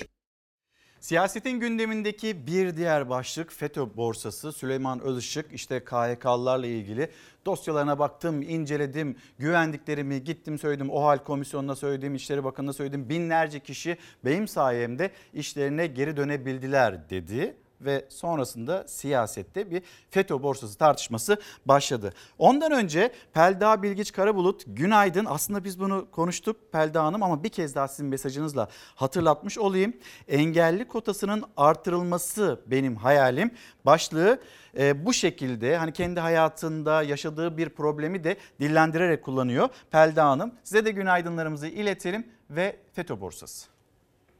Bir gazeteci çıkıyor diyor ki binlerce soruşturmaya uğramış kişi için dosyaları İçişleri Bakanlığı, Adalet Bakanlığı'na verdim. Hani FETÖ diye bir yapı vardı paralel yapı diyorduk. İşte bu da paralel hukuk. İşte buna paralel yapı denir. Gerek Süleyman Soylu'ya gerek OHAL işlemleri komisyonuna bugüne kadar masum olduğuna inandığım binlerce insanın dosyasını götürdü. Ve araştırmalar yapıldı. Hepsinin görevlerini iade edildi. Mahkemeye gitmeden başlarına ne iş gelir diye bu insanlara giderek işi çözmüşler. Kime güvenerek çözmüş? Kankasına güvenerek çözmüş. Kankası kim? İçişleri Bakanı İktidara yakın gazeteci Süleyman Özışık'ın FETÖ suçlamasıyla ihraç edilen binlerce kişinin İçişleri Bakanı ve OHAL Komisyonu'yla temasa geçerek işe iadelerini sağladığım açıklamasını muhalefet gündemden düşürmüyor. İçişleri ve Adalet Bakanları konuşmuyor. Özışık yeni açıklama yaptı. Hassasiyet gösterdim dedi. Ben masum olduğuna inandığım FETÖ mağdurlarının dosyalarını gerek İçişleri Bakanlığı'na, gerek Adalet Bakanlığı'na, gerek OHAL işlemleri komisyonuna götürdüm. Bunların mağdur olduğuna inanıyorum. FETÖ ayağıyla bunları bertaraf etmeye çalıştığına inanıyorum. Hassasiyet gösterin demiş. Şahıslar mı insanların masumiyetine karar verecek yoksa mahkemeler mi? Savcılar mı? Bu insanlar eğer masum çıkmazsa hesabını benden sorun dedim. Ve araştırmalar yapıldı ve hepsi iade edilir. Mahkeme yerine bu insanlara gitmişler. Bakın bu insanlar öyle öğretmenlikten atılan memur için devreye girmeden isimleri geçme ihtimali olan parası çok olan iş adamlarına şantaj yap- yaparak para aldılar. Hain örgütün okuluna çocuk vermişsin. KHK'lı olarak en ağır cezaları çekiyor ama FETÖ borsası adı altında gerçek FETÖ çete örgütü liderleri serbest kalabiliyorlar. Bir yanda iktidara yakın gazetecinin FETÖ'den ihraç edilen binlerce kişinin işe iadesine aracılık ettim açıklaması ve muhalefetin FETÖ borsası tepkisi, diğer yanda İçişleri ve Adalet Bakanlarının sessizliği. Ortaya saçılan bir sürü iddia var. Peki bu meseleler, bu iddialar nasıl çözümlenecek acaba? Elbette hukuk içinde çözümlenmesi bekleniyor. Bakıyorsunuz İçişleri Bakanlığı'na bir açıklama yok. Adalet Bakanlığı'na bakıyorsunuz bir açıklama yok. Yani bu 10 bin dolarlar, 10 milyon eurolar, buradaki iddialar bunlarla ilgili bizim hepimizin bir bilgiye kavuşabilmesi için yargının harekete geçmesi gerekmiyor mu? Aslında doğrusu bu ama bilemiyoruz. Ee, İki gün önceydi size bir kitap göstermiştim. Ece Güner Toprağ'ın Başarabiliriz Demokratik Bir Anayasa Önerisi. Bir kez daha göstereyim sonra e, Oksijen gazetesinde Ece Güner Toprağ'ın bir röportajı var. Hemen şöyle bir manşetten okuyalım. Elif Tanrıyar'a röportaj verdi. Demokratik reform mümkün, hukuk ekonomiyi tedavi edecek. Hukukçu Ece Güner Toprak 30 kadar ülkedeki siyasi sistemi incelediğini ve Başarabiliriz Demokratik Bir Anayasa Önerisi kitabının oluştuğunu anlatıyor. Parlamenter sistem hani bundan sonra nasıl bir yolla gidilmesi gerektiği ile ilgili bu kitapta ipuçları ve bir bilgi paylaşımı olduğunu aktarıyor. Çalışmasını umutsuzluk değil umut kitabı olarak tanımlayan Toprak'a göre yargı reformu ivedi bir ihtiyaç çünkü yargı insanların gerçekten eşit olabildiği tek alan ve güçlü bir hukuk sistemi ekonomiyi de iyileştirebilir. Güçlünün hukuku mu?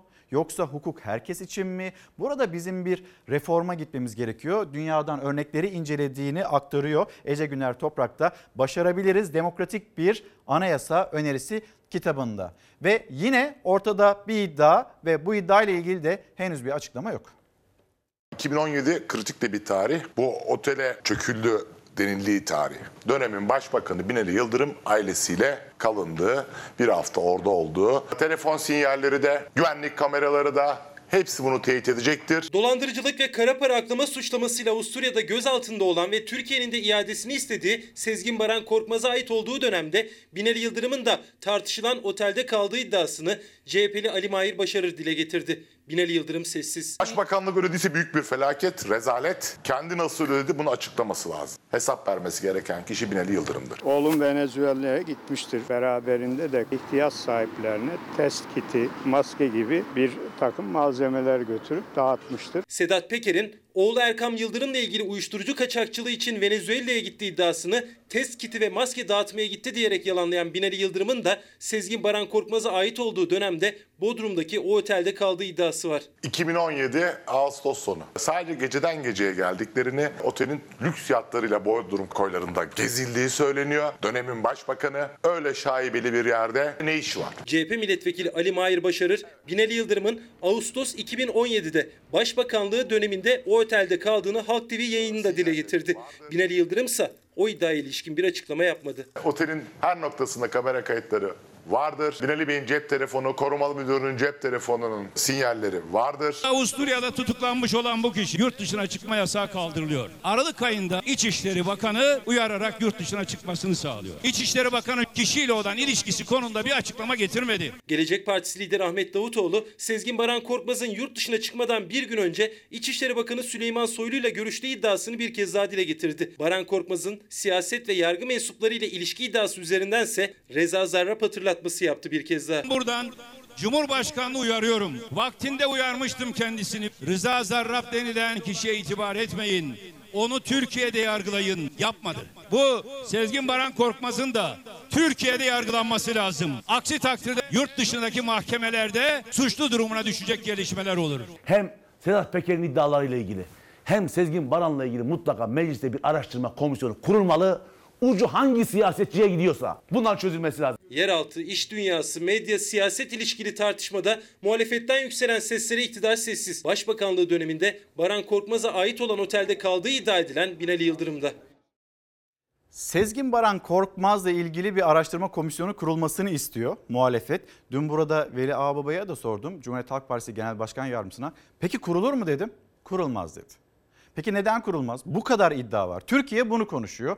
Bununla ilgili henüz bir adım gelmiş değil. Şimdi Türkiye bunu konuşuyor derken bir de İtalya'ya gidelim. İtalya'da 21 aylık bir bebeğin kayboluşunu ve sonra da bulunuşunu konuşuyor. Nicola, Nicola, tranquillo. Adesso, adesso ci siamo noi. Ormanda kaybolan 21 aylık bebeği arama çalışmalarına katılan muhabir buldu. İtalya'nın Floransa şehrinde 21 aylık Nicola gece yarısı uyanıp evden çıktı. Sabah ailesi onu evde bulamayınca polise haber verdi. Evin yanındaki ormanlık alanda bir helikopter ve yaklaşık bin kişiyle arama kurtarma çalışmaları başladı. Nicola, stai Nicola, tranquillo. Nikola tüm aramalara rağmen ilk gün bulunamadı. İkinci günde çalışmalar sürerken haberi takip için bölgeye giden bir muhabir bebeğin sesini duydu. Hemen polise haber verdi. Polis yamaçtan aşağı inerek bebeği kurtardı.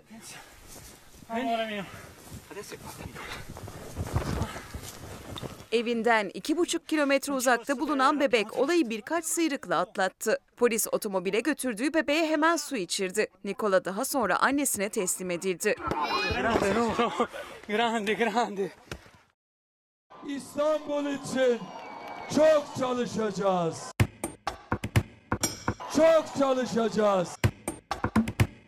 Hepinize söz veriyorum. Size layık olmak için çok çalışacağız.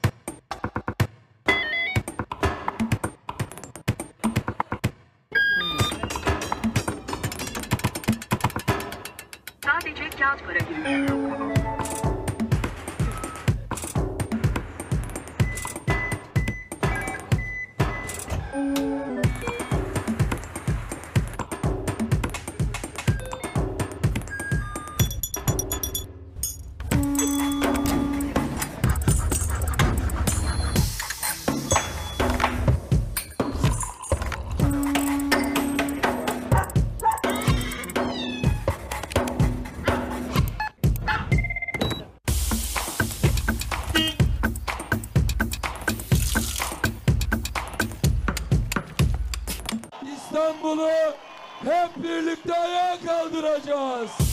Sesler icraatlarımızın sesleri, İstanbul'un sesleri. Hepsi çok çalışmamızın eseri. Sayın Ekrem İmamoğlu'na sorabilir misiniz Marmara Denizi'ndeki müsilaj ve sebebini ve oradaki canlılar bunlar ne olacak diye ve Marmara Denizi ne olacak diye. Evet İstanbul Büyükşehir Belediye Başkanı Ekrem İmamoğlu şu anda Çalar Saat'te misafirimiz konumuz. Efendim günaydın. Günaydın. Hoş geldiniz. Günaydın. Hoş bulduk. Sizinle bir arada olmaktan büyük keyif duydum. Çok teşekkür sağ olun. ederim. Teşekkür İyi ederiz. yayınlar diliyorum. Sağ olun. Efendim şimdi bugün başlığımız benim hayalim. Ee, isterseniz bu başlıkla başlayalım. Benim hayalim dediğiniz ne var? Ve bu işte az önce bir klip e, yayınladık. Evet. İstanbul Büyükşehir Belediyesi'nin ve sizin bir hazırlığınız. Hani neler yaptınız bu iki yıl içinde? Biraz böyle bunu da anlatan, şehre nasıl bir ritim Tabii. kazandırdınız? Bunu da anlatan bir klipti. Peki hani nasıl geçti o iki yıl? Nasıl geçti? Ee, tabii zor tarafları var ama e, hayalimizden hani bir gram bile sapmadık diyebilirim. Çünkü e, İstanbul e, insana çok güzel hayaller kurdurtacak bir şehir ve bu şehrin e, tabii ben eminim ki 16 milyon insanın da hayalleri e, aslında örtüşen hayallerdir. Yani mutlu bir şehir, enerjik bir şehir, e, yoksulunun olmadığı, e, keyifli, dünya kenti, dünyanın çekim merkezi, e, aklın ve bilimin buluştuğu, sanatın ve kültürün o karma dünyasının e, belki de dünyanın hiçbir yerinde olmayacak kadar karma kültürlerin bir arada yaşadığı İstanbul'un dünyaya kendini servis edebilmesi. E, bütün bunlar e, zaten kadim şehir diye tariflediğimiz, tarihi kent diye tariflediğimiz, dünyada bir başka kent yok ki üç imparatorluğa başkentlik yapmış olsun. E, ve böyle muazzam bir kente dair hayallerimiz en üst seviyede devam ediyor. Tabii görevi aldığımız günden bugüne bir gerçeğin altını çizmek gerekir ki Ee, o da e, 16 ayımızın pandemiyle beraber geçmiş olması. Yani biz aslında çok zorlu bir döneme e, denk zor geldiniz. bir dönem. Yani biz aslında şöyle tarif edelim. E, 30 Haziran itibariyle görevi devraldık. E, yani e, işte birkaç gün sonra 2 yılımız bitmiş olacak. E, bu 24 ayın 16 ayı aslında pandemi yoğunluklu bir gündemle geçti. 8 ayı normal bir belediye başkanlığı sürecinin böyle hazırlık dönemiydi. Ancak biz bunu bir talihsizlik ol- olarak görmüyoruz onu söyleyeyim. Zor zamanlarda yönetici olmak bir talihsizlik değildir aslında. Benim şahsi görüşüm tam aksine o gün siz gereklisiniz ve o gün orada görevlisiniz ve görevinizin hakkını vereceksiniz. Neydi hakkını vermek? E bir kere müthiş bir dayanışma süreci yaşamak zorundaydık. Her türlü dayanışma. Sağlıkçılarla dayanışma, o e, doktorumuzun, hemşiremizin, sağlık görevlimizin verdiği o müthiş mücadelenin yanında olma, o dayanışma ruhunu çok üst seviyede tuttuk ve e, gerçekten e, bu zor dönemde İstanbullunun nefes alacağı, kendini mutlu ve umutlu hissedeceği anları biz ona e, çok güzel sunduk diyebilirim. Yani İstanbul Büyükşehir Belediyesi'nin, İstanbul halkının bütçesini, efendime söyleyeyim yaşamını kolaylaştıracak, hayatını kolaylaştıracak, yarınlara dönük tutunacak bir başka şeyi başardık. Dayanışmanın yanı sıra şeffaflığı başardık. İstanbul kenti her konuda bilgi alabildiği bir dönem yaşıyor. Şimdi o şeffaflık üzerinden Cumhurbaşkanı Erdoğan'ın da belediyelere bir çağrısı oldu. Yani ihale yapacaksınız mutlaka şeffaflık içinde e, yapılsın dediği bir başlık. Sonra yine hani bakıyoruz muhalefet partisi milletvekillerini onları sokakta görüyoruz. Liderlerini sokakta görüyoruz. Şimdi bir çağrı daha var Cumhur İttifakı'na ya da AK Parti'ye Cumhurbaşkanı'ndan daha fazla sokakta olun diye. Şimdi bu seçim sürecinde İstanbul Büyükşehir Belediyesi başkanlığı adaylığı ve seçim sürecinde siz hep sokaktaydınız. Çarşıdaydınız, pazardaydınız, esnafın içindeydiniz. Önce kendinizi anlattınız, kendinizi tanıttınız ve sonra da işte böyle bir seçim başarısı ortaya çıktı. Aslında hiç oradan geri çekilmedik. Yani seçim sonrası da hep oralardaydık. Ee, hem zor anlarında e, vatandaşımızın yanındaydık. Bu pazar olabilir, bir ev ola- olabilir, bir hastane olabilir fark etmiyor. Ee, zaten vatandaşın arasında olmayan bir e, siyasi akıl vatandaşı hissetmesi mümkün değil. Yani o ancak oturduğu yerden kendi hissettiklerini yazabilir veya uygulamaya koyabilir. Biz buna karşıyız. Yani eğer şeffaflıkla ilgili bugün e, bir talimat veriliyorsa e, AK Partili belediyelere geçmiş ola. Kusura bakmasınlar. Yani bir örnek vereceğim. E, belediye meclisinin yayınlanmasını hafife almışlardı. Yani ama şimdi bakıyorum. demişlerdi? Yani şöyle yani ya biz de yapıyorduk aslında falan filan. Hayır öyle değil. Gerçek anlamda biz yapıyoruz. Yani gerçekten bu kentin her olan bitenini vatandaşın önüne koyuyoruz. Vatandaş izliyor, kendi özgün kararını veriyor. Bakın ben örnek vereyim. Kendi belediye, ilçe belediye başkanlığım dönemimde mecliste bir kentsel dönüşümle ilgili uğradığımız haksızlıkla ilgili yaptığım bir konuşmanın e, kaydını istedim alamadık. Alamadık. Hatta bizim arkadaşlara kızdım niye çekmediniz diye. Büyükşehir Meclisi'nde yaptığım konuşmayı. O, o bakımdan e, şunu hissetmesi lazım halkımızın. Yöneticiler gelir geçer. Bunun adı belediye başkanıdır. Bunun adı meclis üyesidir, milletvekilidir. E, cumhurbaşkanıdır, bakanlardır. Gelir geçer. Ama şu unutulmamalı. Bu işin esas sahibi halkımızdır. Ve vatandaş sizi seçer, görevi verir. Günü geldiğinde görevi alır. Bunu hissetmek için de işte sürekli diyalog, sürekli iletişim. E bir de işimiz kolay Allah aşkına. Yani bir yüksek teknoloji döneminde yaşıyoruz. Sosyal medya ağıyla insanlar birbirine bunu en sağlıklı bir biçimde kullandığınız zaman vatandaşla öyle güzel bir iletişim e, şansına şa- sahip oluyorsunuz ki yeter ki olumlu, akılcı ve saptırmadan kullanın. Hele hele hani şöyle ifade edeyim. Mesela en çok kimden faydalanıyorum? Yani şu iki yılda. İnanmayacaksınız çocuklardan. O kadar saf, o kadar temiz, o kadar berrak duygularla size hitap ediyorlar ki bir de biliyorsunuz E ki artık sloganınız da bir çocuktan, gençten. ya öyle ama benim çocuklarla iletişimimi besleyen en önemli damar şu. Bir kere sıfır etki. Yani hiçbir çıkar yok.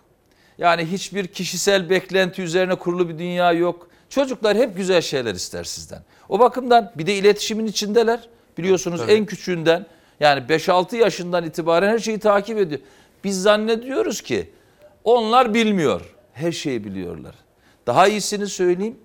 Birçok yetişkinden çok daha iyi hissedebiliyorlar. O bakımdan çok besleniyorum. Bu şeffaflığın e, Türkiye'deki politik süreci hatta dünyanın önümüzdeki sürecinde yeni nesil bir siyasetin, yeni nesil bir yerel yönetimin başlangıcının aslında altyapısı. Yani o şeffaflık ve olabildiğince şeffaflık. Ben hatta onun adına şöyle bir tarif de yapıyorum.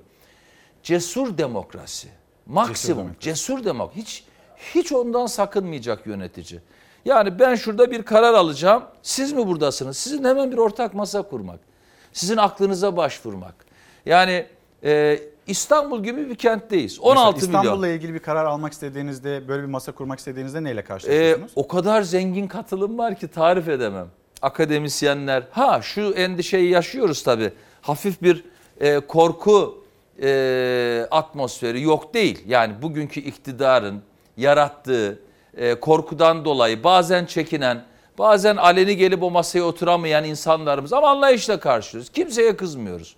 Yani herkesin belli riskleri almasını beklemiyoruz. Ama onlarla da faydalanmanın başka arka kapı diplomasıyla illa ulu orta olmasına gerek yok. Biz onun aklına talibiz. Biz onun deneyimine, fikrine talibiz. Bu masaları da kurduk.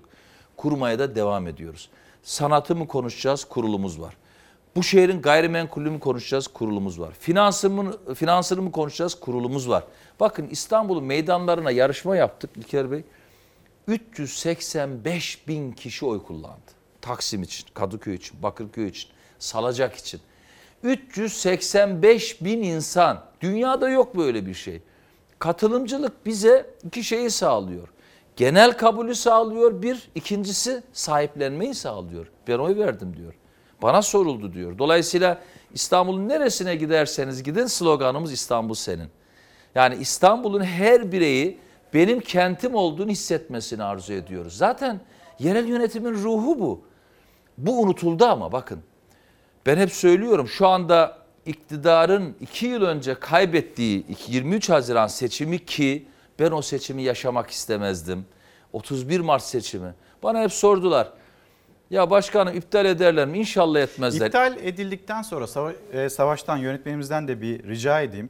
Yine sosyal medyada çok fazla hani paylaşılan bir fotoğraf var.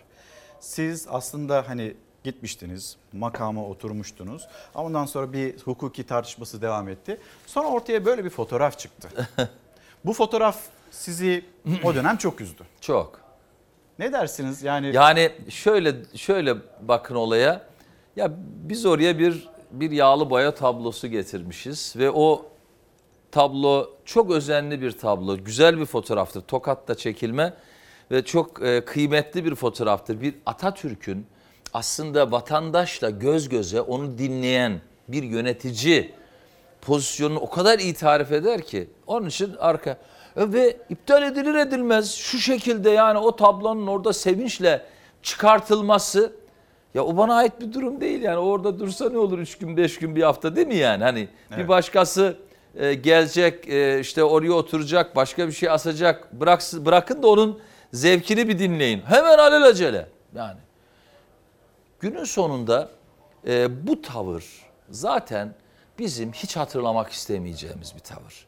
6 Mayıs kara bir lekedir. Demokrasiye böyle saplanmış en ağır hançerlerden biridir Türkiye Cumhuriyeti tarihinde.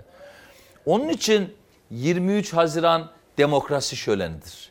Onun için 23 Haziran halkımızın en kuvvetli bir biçimde cevabını verdiği gündür. Onun için benim inancım halkımıza çok büyük. Yani e, bireyler, liderler demokrasiyi güçlendiremez.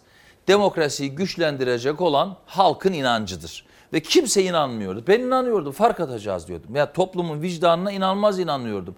Hatta ona rağmen diyordum ki inşallah iptal etmezler. Niye? Ya gerçekten bu bir yol yapar biliyor musunuz? Yani iptal etme yolu. Her şeye seçim iptal edilir mi ya? Olmuş bitmiş. Kazananın elini sıkacaksın, hayırlı olsun diyeceksin.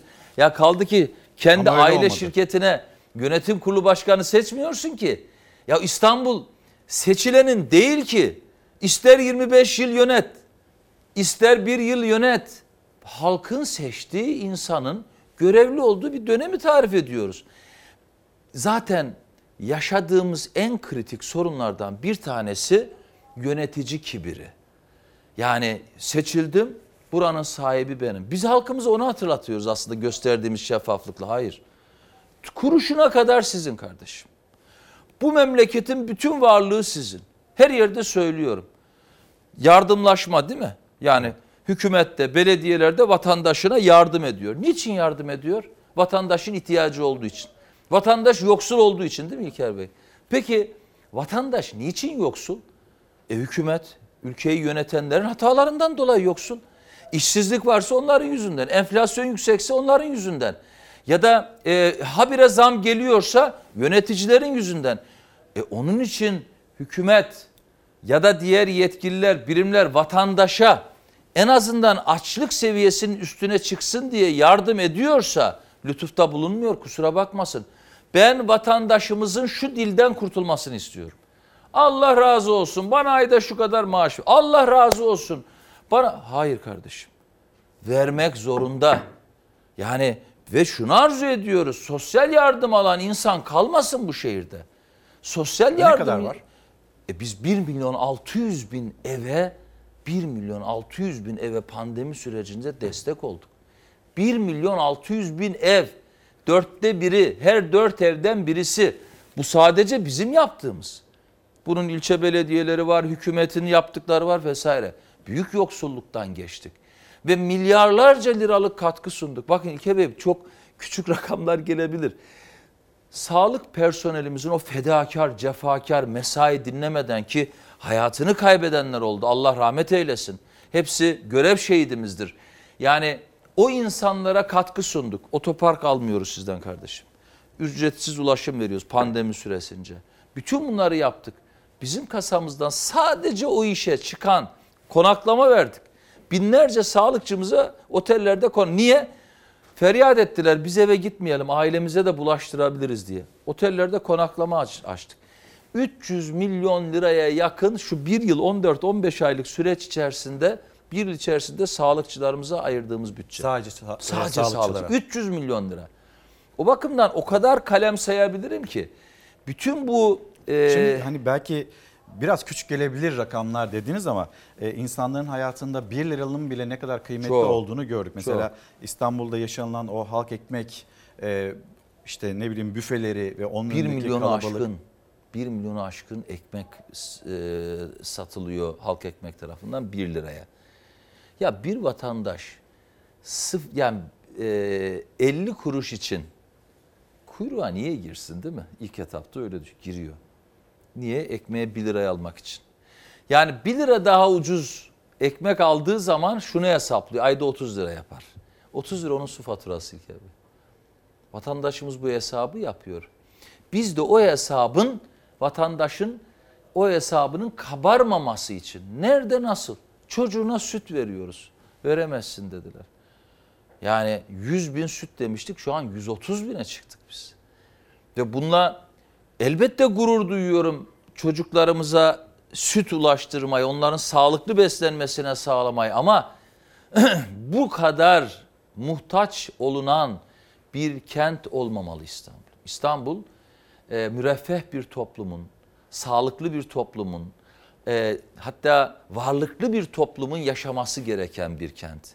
Çünkü İstanbul varlıklı olursa Türkiye varlıklı oluyor. O bakımdan bu zor günlerde gerçekten ben hep şöyle düşünüyorum. Allah e, bir ya inançlı bir insan olarak Allah bize bugün bu görevi verdiyse bildiği bir şey vardır. Hakkını vermeliyiz. Ben hakkını verdiğimizi düşünüyorum. Efendim şimdi e, aslında bir soru daha sorsam o sorunun cevabı uzun bir vakit alacak. Savaş bence şimdi bir mola verelim, reklamlara gidelim. Döndüğümüzde insanların hayatını biraz daha böyle kolaylaştırmaya çalışıyorsunuz. Ama bir yandan da sosyal medya üzerinde acaba suya İstanbul Büyükşehir Belediyesi'nin vermiş olduğu hizmetlere bir zam olacak mı olmayacak mı? Lütfen bunu konuşalım. Yarın e, Kanal İstanbul'la ilgili resmi bir tören yapılacak. Kanal İstanbul müsilaj meselesi yine konuşacağımız konular arasında kentsel dönüşümle ilgili çok sayıda izleyicimizden mesajlar geliyor. Toz koparanda aslında hiç böyle istemediğimiz kötü de görüntüler ortaya çıktı. Vatandaşlar evleriyle ilgili kendilerinin önüne konulan tasarruftan mutlu değiller. Ama bu mutsuzluğun karşısında da polisle karşı karşıya geldiler. Yine kentsel dönüşüm problemini konuşalım. Deprem meselesi, trafik meselesi, bundan sonraki hayaller. Bir mola verelim. Dönüşte hepsini konuşalım. Efendim bir kez daha günaydın. Çalar Saat devam ediyor. İstanbul Büyükşehir Belediye Başkanı Ekrem İmamoğlu konuğumuz. Hangi konuyu konuşacağız? Şu anda Türkiye'de herkesin konuştuğu konu aslında. Yani sadece İstanbul'un değil Ankara'nın da ya da ne bileyim Hakkari'nin de Van'ın da herkesin dikkatini çeken bir konu. Kanal İstanbul. Yani şimdi bu hani büyük proje, çılgın proje ve yarın da resmi bir töreni olacak. Cumhuriyet Gazetesi'nden bir haber okumak istiyorum size. İktidar para bulamadı. Katar arayışında finansmansız bir temel.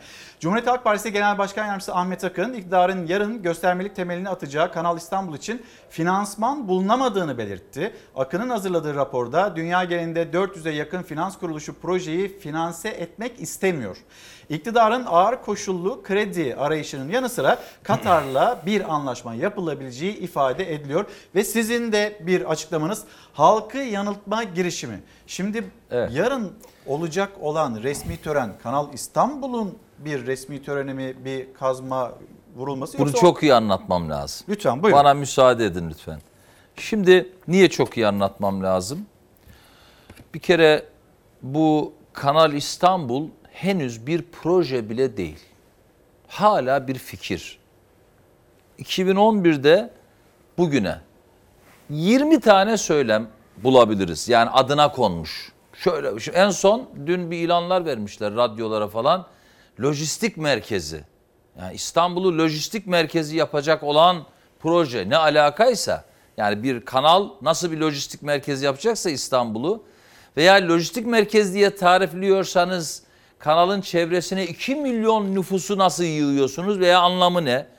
Yani neresinden tutsanız elinize gelir ve bilim insanlarının tarifiyle İlker Bey Kanal İstanbul'u sakın rafa kaldırmayın. Çöpe atın, imha edin.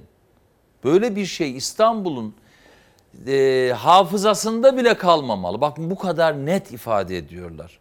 Ben niçin yarınki temel e, atma kanal temeli değildir bir otoyol projesidir geçmeden önce dün bir bilim insanımızdan hocamız Seval Hanım'dan güzel bir tarif geldi. Onların kendi çalışma ekibinden ki Seval Sözen hocamızın bunu size okumam gerekiyor. Lütfen, Niye? buyurun. Niye? Yarın temel için kendini paralayan Ulaştırma Bakanı'nın, Sayın Ulaştırma Bakanı'nın bir izahı var. Dinlemişsinizdir. 15 gün önce bu müsilaj meselesi 20 gün önce Karadeniz patladığında suyu Marmara'ya gelecek. Aynen öyle. Hatta e, dün de anlattım e, bir televizyon kanalında. E, Şehircilik Bakanımızla çok iyi bir müsilaj mücadelesi süreci yürütüyoruz. Bakın ben buradan da teşekkür ediyorum Çevre ve Şehircilik Bakanı'na. Murat Kurum'a. Murat Bey'e. Çok iyi. Böyle bilim vesaire aldığımız kararlar yürüyor. Mesela çarşamba günü Marmara Belediyeler Birliği'nde bilim kurulu oluştu. Önerilerimiz dikkate alındı vesaire. Çok iyi gidiyor. E, hatta şöyle bir konu oldu. Ben kanalın ilişkisinden bahsedince dedi ki Sayın Başkanım kurulun olduğu toplantıda kanal meselesi fazla siyasileşti. Şimdilik e, daha doğrusu müsilajın içerisine bunu katmadan yolculuk tanımlayalım. Ben de dedim ki peki dedim aslında çok ilgili ama şimdilik haklısınız bunu dışında tutalım. Ve biz ağzımızı açmayacağız dedik. Sayın Bakan, Sayın Ulaştırma Bakanı dayanamadı 3 gün sonra Hatta o gün bizim bir toplantımız vardı. Ee, soruyu da sizin kanalınızdan bir arkadaşımız bana sordu girişinde. Ee, akşam bir açıklama yapıyor Sayın Bakan. Diyor ki kanal olacak. Karadeniz'deki su Marmara'ya akacak ve Marmara düzelecek diyor. Dayanamadım ben de sabah erken bunu e, basın küpürlerinden okuyunca hemen mesaj attım. Sayın Bakan bu söylediğiniz iddianızı destekleyici bir makale, bir araştırma, bir bilimsel tez var ise lütfen yollayın. Eğer anlatmak isterseniz de istediğiniz yere gelmeye hazırım diye mesaj yolladım. Yanıt hala hala bir yanıt almadım. Ve hala ısrarla da bunu açıklıyor. Ben de dedim ki Sayın Bakan'a, Sayın Kurum'a dedim valla ben bir şey demedim. Yani kanalı işin dışında tutalım dediniz ama ben bir şey demedim ama bakanınız ilişkilendirdi dedim. Ve tamamen e, saçma bir iddiayla. Bakın Kanal İstanbul yapıldığında saniyede 5500 metreküp su, kay- e, su taşıyacaktır e, Karadeniz'den Marmara'ya. Karadeniz'deki orga- organik madde konsantrasyonu yaklaşık 2.8 miligramdır. Bu durumda kanal günde 1330 ton organik maddeyi Marmara Denizi'ne aktaracaktır. Bu kimyasal oksijen ihtiyacı cinsinden yaklaşık 4700 ton günde eder. Bir kişi günde 100 gram organik maddeyi cinsinden atık sulara boşaltabilir. Yani dolayısıyla kanal Marmara'ya 47 milyon kişi eşdeğeri organik madde boşaltacak anlamına gelir.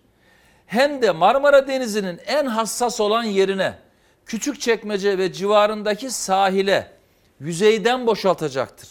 İstanbul nüfusunun 3 misli, tüm Marmara kıyısındaki nüfusun 2 misli organik madde anlamına gelir. Bu Marmara Denizi için çok büyük bir tehdittir, bitişi demektir.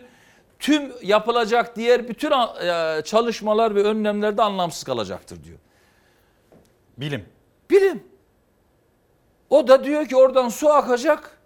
Yani herhalde e, memleketime atıfta bulunayım. Trabzon'un e, Solaklı Deresi zannetti orayı. Yani akıl tutulması. Şimdi bu akılla diyorsunuz ki cumartesi günü temel atılacak kanala. Hayır. Cumartesi günü atılacak temel Marmara Otoyolu 8. kesim.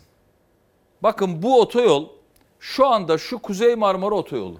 Evet. Biliyorsunuz Kuzey Marmara Otoyolu aslında 3. köprünün yapılmasıyla beraber zaruri ihtiyaç haline geldi. Ve bu otoyolun bir kısım bağlantı yolları var. Yani bir kısım bağlantı yolları var ve yapılmak zorunda. Mesela örnek verelim. Ee, üçüncü köprü yapılmasıyla beraber Ağustos 2016'da e, oda yeri Paşaköy Kurtköy arası hizmete açıldı. Bağlantı yolları. E, 13 Kasım 2018'de Yassıören oda yeri kısmı. 2020 yılında Kınalı Yassıören 20 Aralık 2020'de Kurtköy Akyazı kesimleri işletmeye açıldı. Şimdi bu yapılacak olan da özellikle Kuzey Marmara Otoyolu'nun 3. köprü bağlantı yolunun e, batı tarafına doğru, Trakya'ya doğru bağlantısını güçlendirecek. Hatta İstanbulluların daha iyi anlaması için ifade edeyim. Mahmut, Mahmut Bey'deki trafik sıkışıklığını da hafifletecek gerekli bir işlemdir. Ha, üçüncü e, köprü işte e, Kuzey Marmara Otoyolu gerekli midir? O tartışmalar bitti. Bakın bu otoyol ne zaman işlenmiş planlara biliyor musunuz? Ta 2006'da. 2006. 1 bölü 100 bin ölçekli İstanbul çevre düzeni planında bu yol var. Şu an şantiyenin kurulduğu yer şu kırmızı nokta. Şu çizgide o yolu gösteriyor bakın. Sizin deyiminizle o zaman bu bir illüzyon mu? İllüzyon. Şimdi illüzyonun esas bakın şu aynen 1 bölü 25 binlik planlarda da 8 Ağustos 2010'da işleniyor. Ne zaman 8 Ağustos? Da ortada Kanal İstanbul hatta e, 2011'de Kanal İstanbul açılıyor anlatılıyor biliyorsunuz seçim arifesinde. Seçim arifesinde daha nereden geçeceği ne olacağı bile belli değil. Bir kanal açıklanıyor sadece. E peki neden Hatırlarsan. Ya akıl yani tutulması. Hani Bakın şu, bir vaatten geri çekilmemek için mi? Siyasi şov. Birilerine yaranmak. Ben öyle düşünüyorum. Ve diyorum ki belki de Sayın Cumhurbaşkanı'nın bundan haberi yok. Ben bilgilendirme görevini yerine getiriyorum. Şimdi bakın bu yolun kamunun, devletin sayfalarındaki tanımını okuyayım size. Karayolları Genel Müdürlüğü 2020 yılı kurumsal mali durum ve beklentiler raporunda sayfa 32 açsın okusun.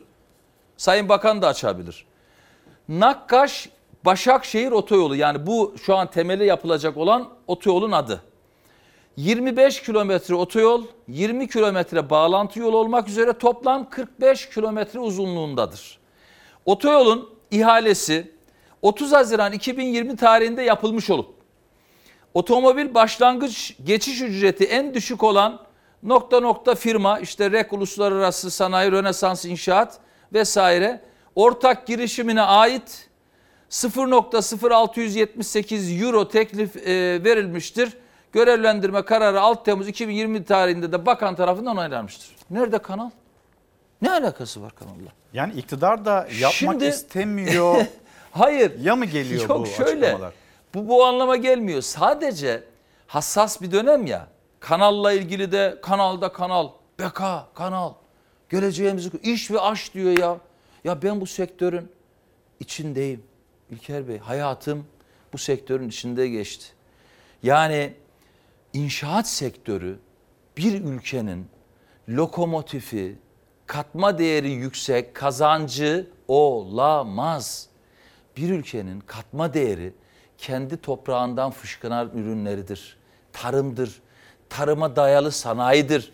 21. yüzyılda yüksek teknolojidir. Ne kadar, yani özür dilerim efendim. Ne kadarlık bir bütçeden bahsediyoruz bu Kanal İstanbul'la ilgili? Kanal İstanbul bana göre 500-600 milyardan aşağı değil. Ben bunu defalarca tabii tabii. En az. Bakın en az. Bunu ben demiyorum.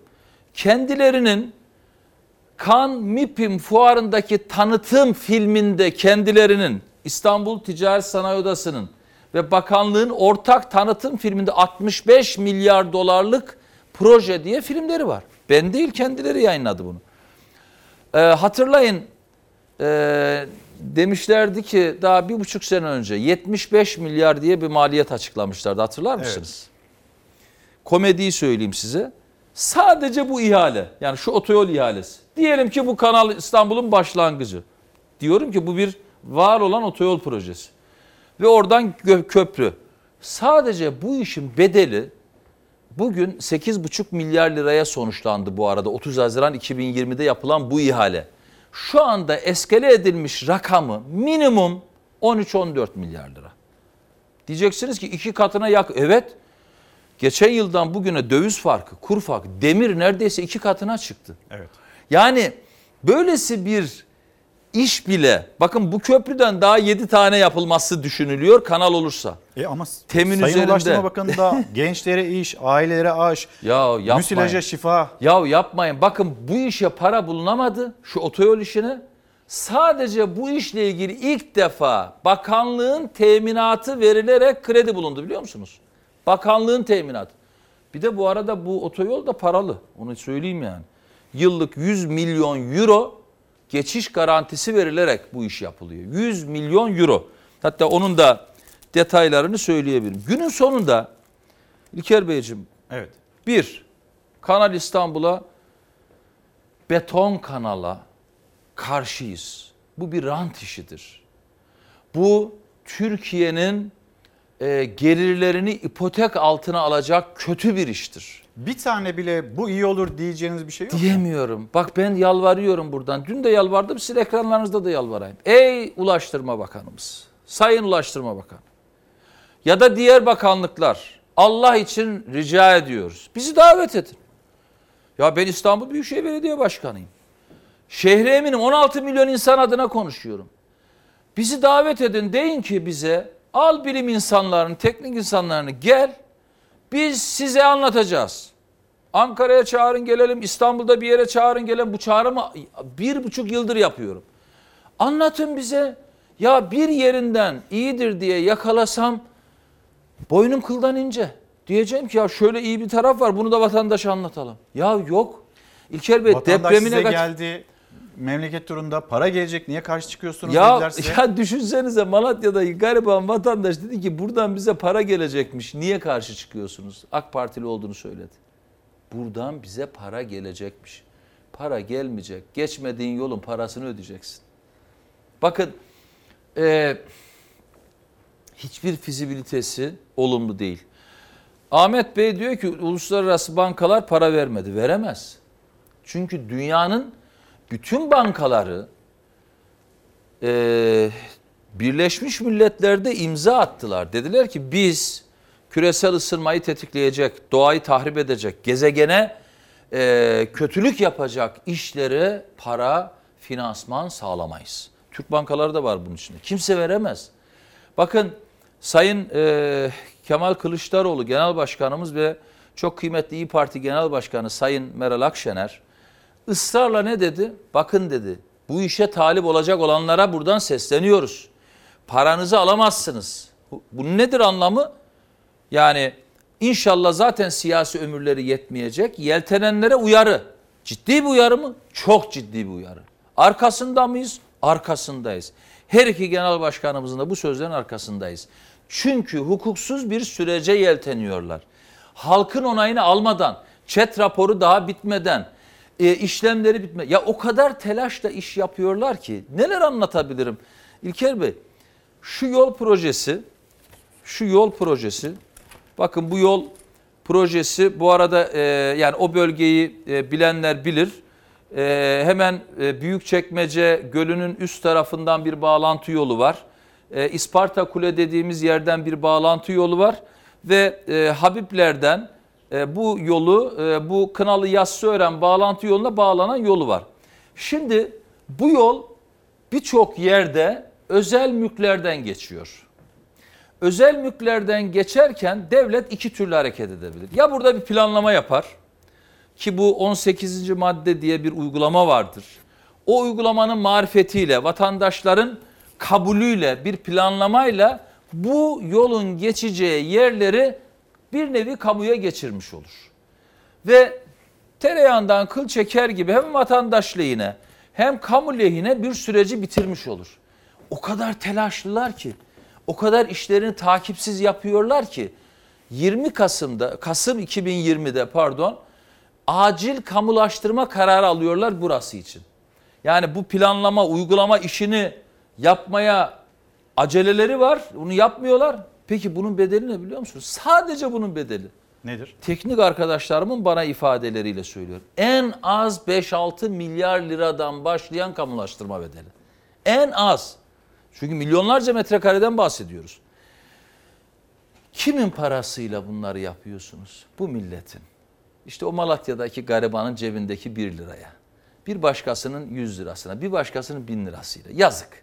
Bakın bu, bu milletin, Marmaray müsilajı konuşabiliriz. Yani Gelelim mi oraya? Müsilaj Tabii, meselesine gelelim. Savaş, tabii. e, sana zahmet e, hazırlığımızı, haberimizi bir paylaşalım.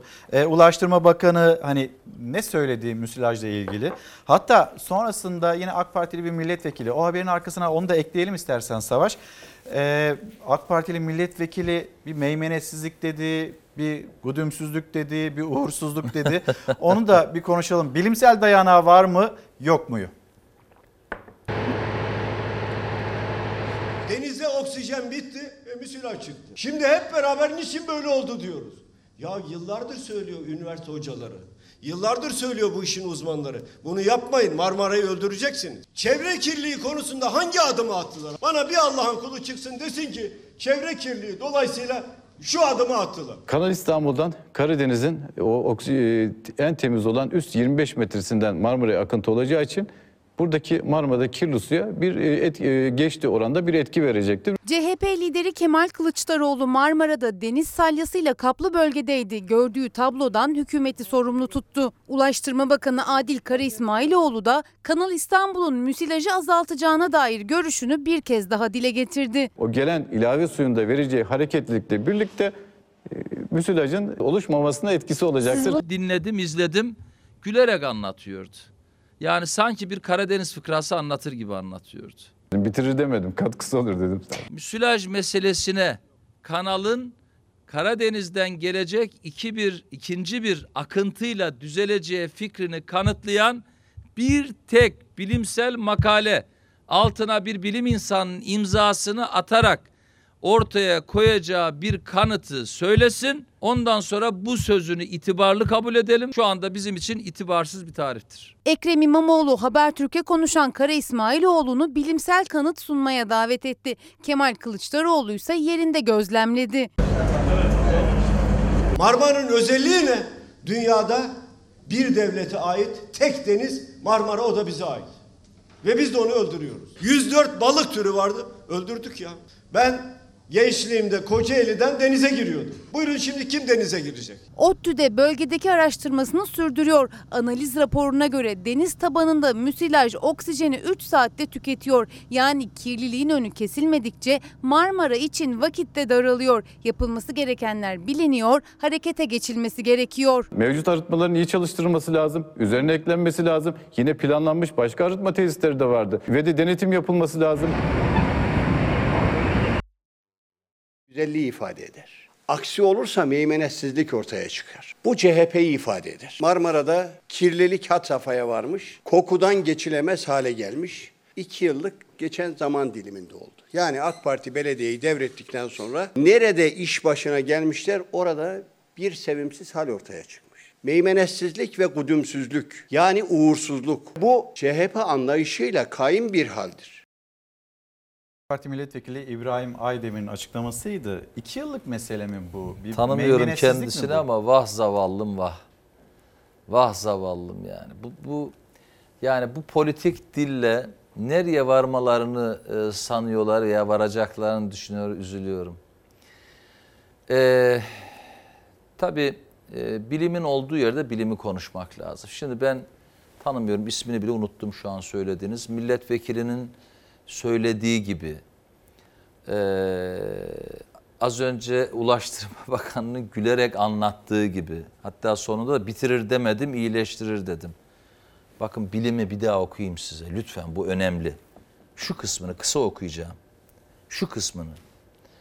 Karadeniz yani kanal yapılırsa Karadeniz'den Marmara'ya akan suyun içerisinde e, bu arada saniyede 5500 metreküp. Suyun içerisinde organik madde konsantrasyonu saniyede 2.8 miligram bölü litredir. Bu günde 1300 ton organik madde demektir.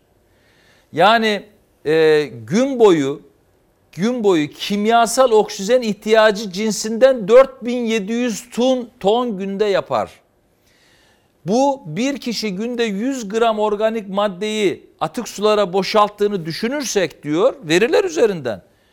Kanal Marmara'ya 47 milyon kişi eş değeri organik maddeyi akıtacak Karadeniz'den.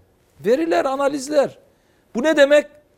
Marmara'nın civarında oturan insan sayısının iki katı, İstanbul'un üç katı. Bir, kanalla ilgili Sayın Bakan'a cevabınızı verelim.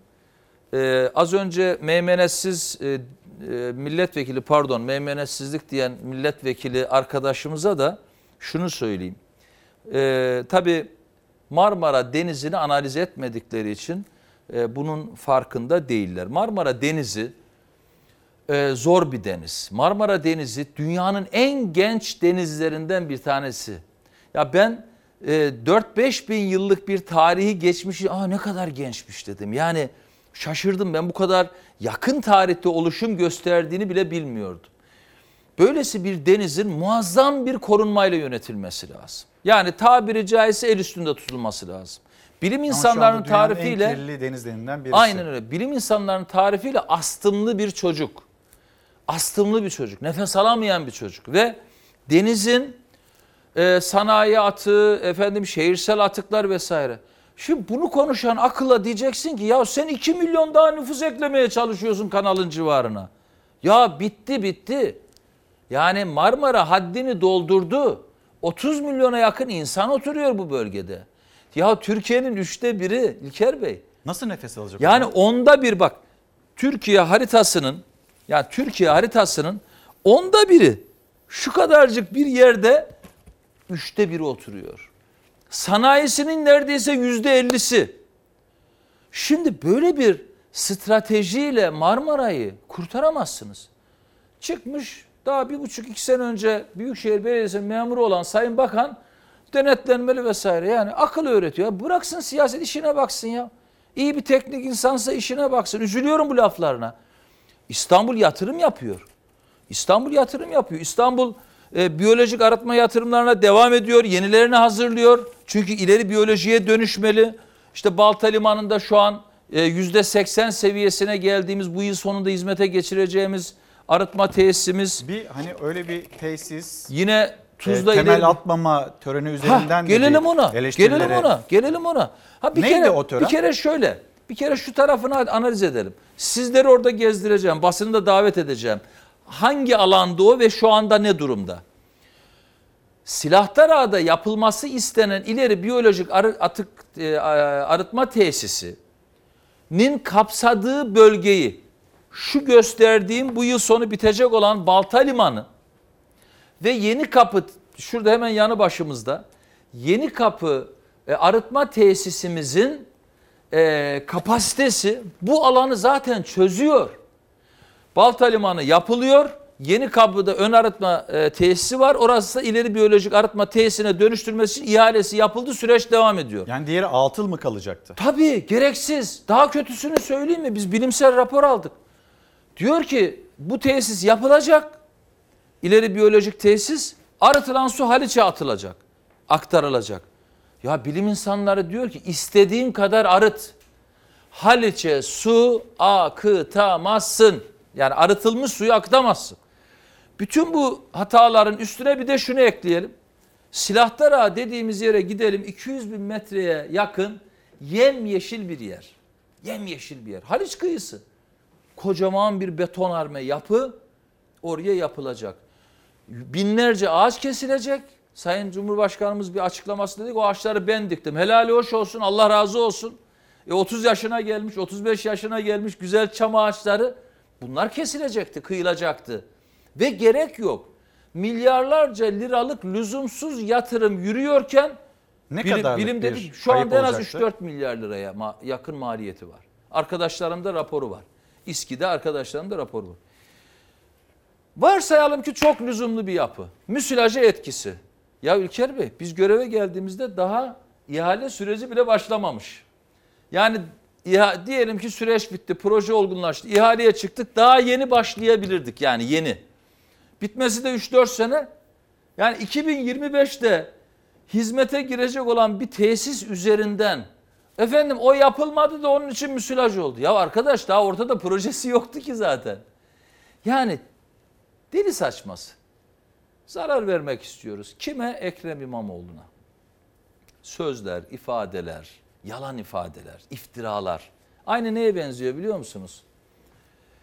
Ee, hatırlarsanız 31 Mart seçimleriyle e, 6 Mayıs arasında çaldılar, hırsızlar, FETÖ'cü insanları sandıklara yerleşti. Bu arada yerleştiren kendileri Yüksek Seçim Kurulu ben değilim ki. Bakanın açıklaması var. Dünyanın en güvenilir seçim sistemini hazırladık. Bakan açıklıyor bunu ben değil. Sonra ne olduysa her sandıkta FETÖ'cü Ama çıktı. orada şey olmadı mı? Hiçbir şey olmasa bile kesin bir şey oldu. daha ötesini söyleyeyim. İlker Bey daha ötesini söyleyeyim. İki sene geçti değil mi? Ya bir kişi tutuklandı mı? Ya bir kişi yakalandı mı? Bir kişinin ifadesi alındı mı? Bir kişi hakkında bir iddianame yazıldı mı? Aynı kafa. Aynı kafa. Yani biz yalanı yükleyelim, yükleyelim, millet yutsun, seçimi iptal edelim, sonra bakarız. İki sene geçti. Yazık değil mi o sandık başındaki insanlara? Hırsız dediniz, FETÖ'cü dediniz, terörist dediniz. Bize de çaldılar dediniz bizim için. İftira. Aynı iftirak zihniyle bugün sözüm ona bu alan. Ama ben bütün bunlara rağmen müsilajı, Müsilajı konuşuyoruz ya. Evet müsilajı konuşuyoruz ya. Tam bütün bunlara rağmen. Çevre Şehircilik Bakanı Sayın Murat Kurum'a teşekkür ediyorum. Bizi topladı Kocaeli'nde. Bütün 7 il belediyesi. Bu arada Marmara'da Kocaeli var. AK Partili belediye. Marmara Belediyeler Birliği'nde başkanı Sayın Belediye Başkanı. Değerli bir arkadaşımız. Bursa Belediyesi var. AK Partili. AK Parti'de. Balıkesir Belediyesi var. AK Partili. Ya yani akıl tutulması muhtemelen o belediye başkanı arkadaşlarım da üzüntüyle hafif bir tebessümle takip ediyorlardır. Müsilaj meselesinde toplandık. 22 maddelik acil eylem planı sıraladık. Önce temizlik sürecini başlattık. Hepimiz seferberlik içerisindeyiz. Hepimiz. İstanbul Büyükşehir Belediyesi bu konuda en etkin çalışmaları sürdürüyor. Kapasitesi ve büyüklüğü bakımından. Temizlik bir çözüm müdür? Değildir. Temizlik bugünün görsel çirkinliğini ve oradaki o pisliğin toparlanması ile ilgili. Onun bertarafı ile ilgili çok sistematik bilimsel çalışmaların ışığında yürüyoruz. Yani hem İstanbul Üniversitesi hem ODTÜ gibi birçok akademik Veysel dünyanın da Eroğlu'nun bir katkılarıyla açıklaması oldu. Ee, hani mesai saatleri içinde denetleniyordu. Demek ki mesai saatlerinden sonra böyle olmuş.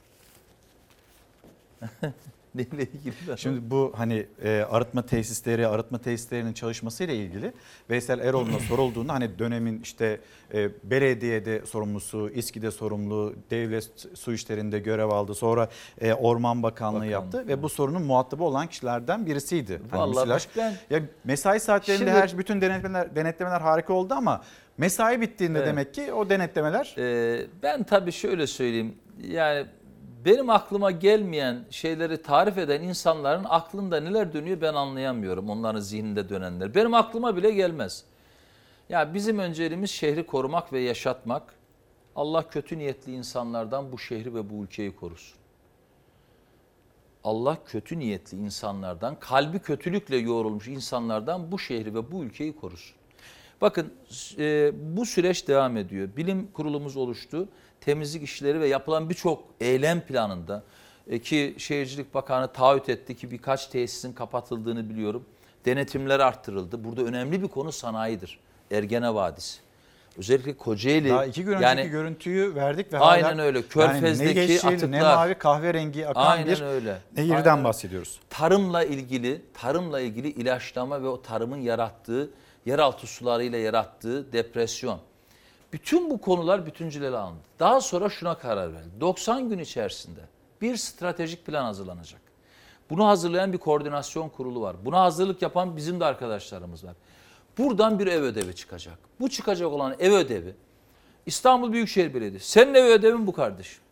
Şu maddeleri yerine getireceksin. Maliyetine 8 milyar lira. Kaç yılda bitireceksin? 5 yılda, 6 yılda neyse.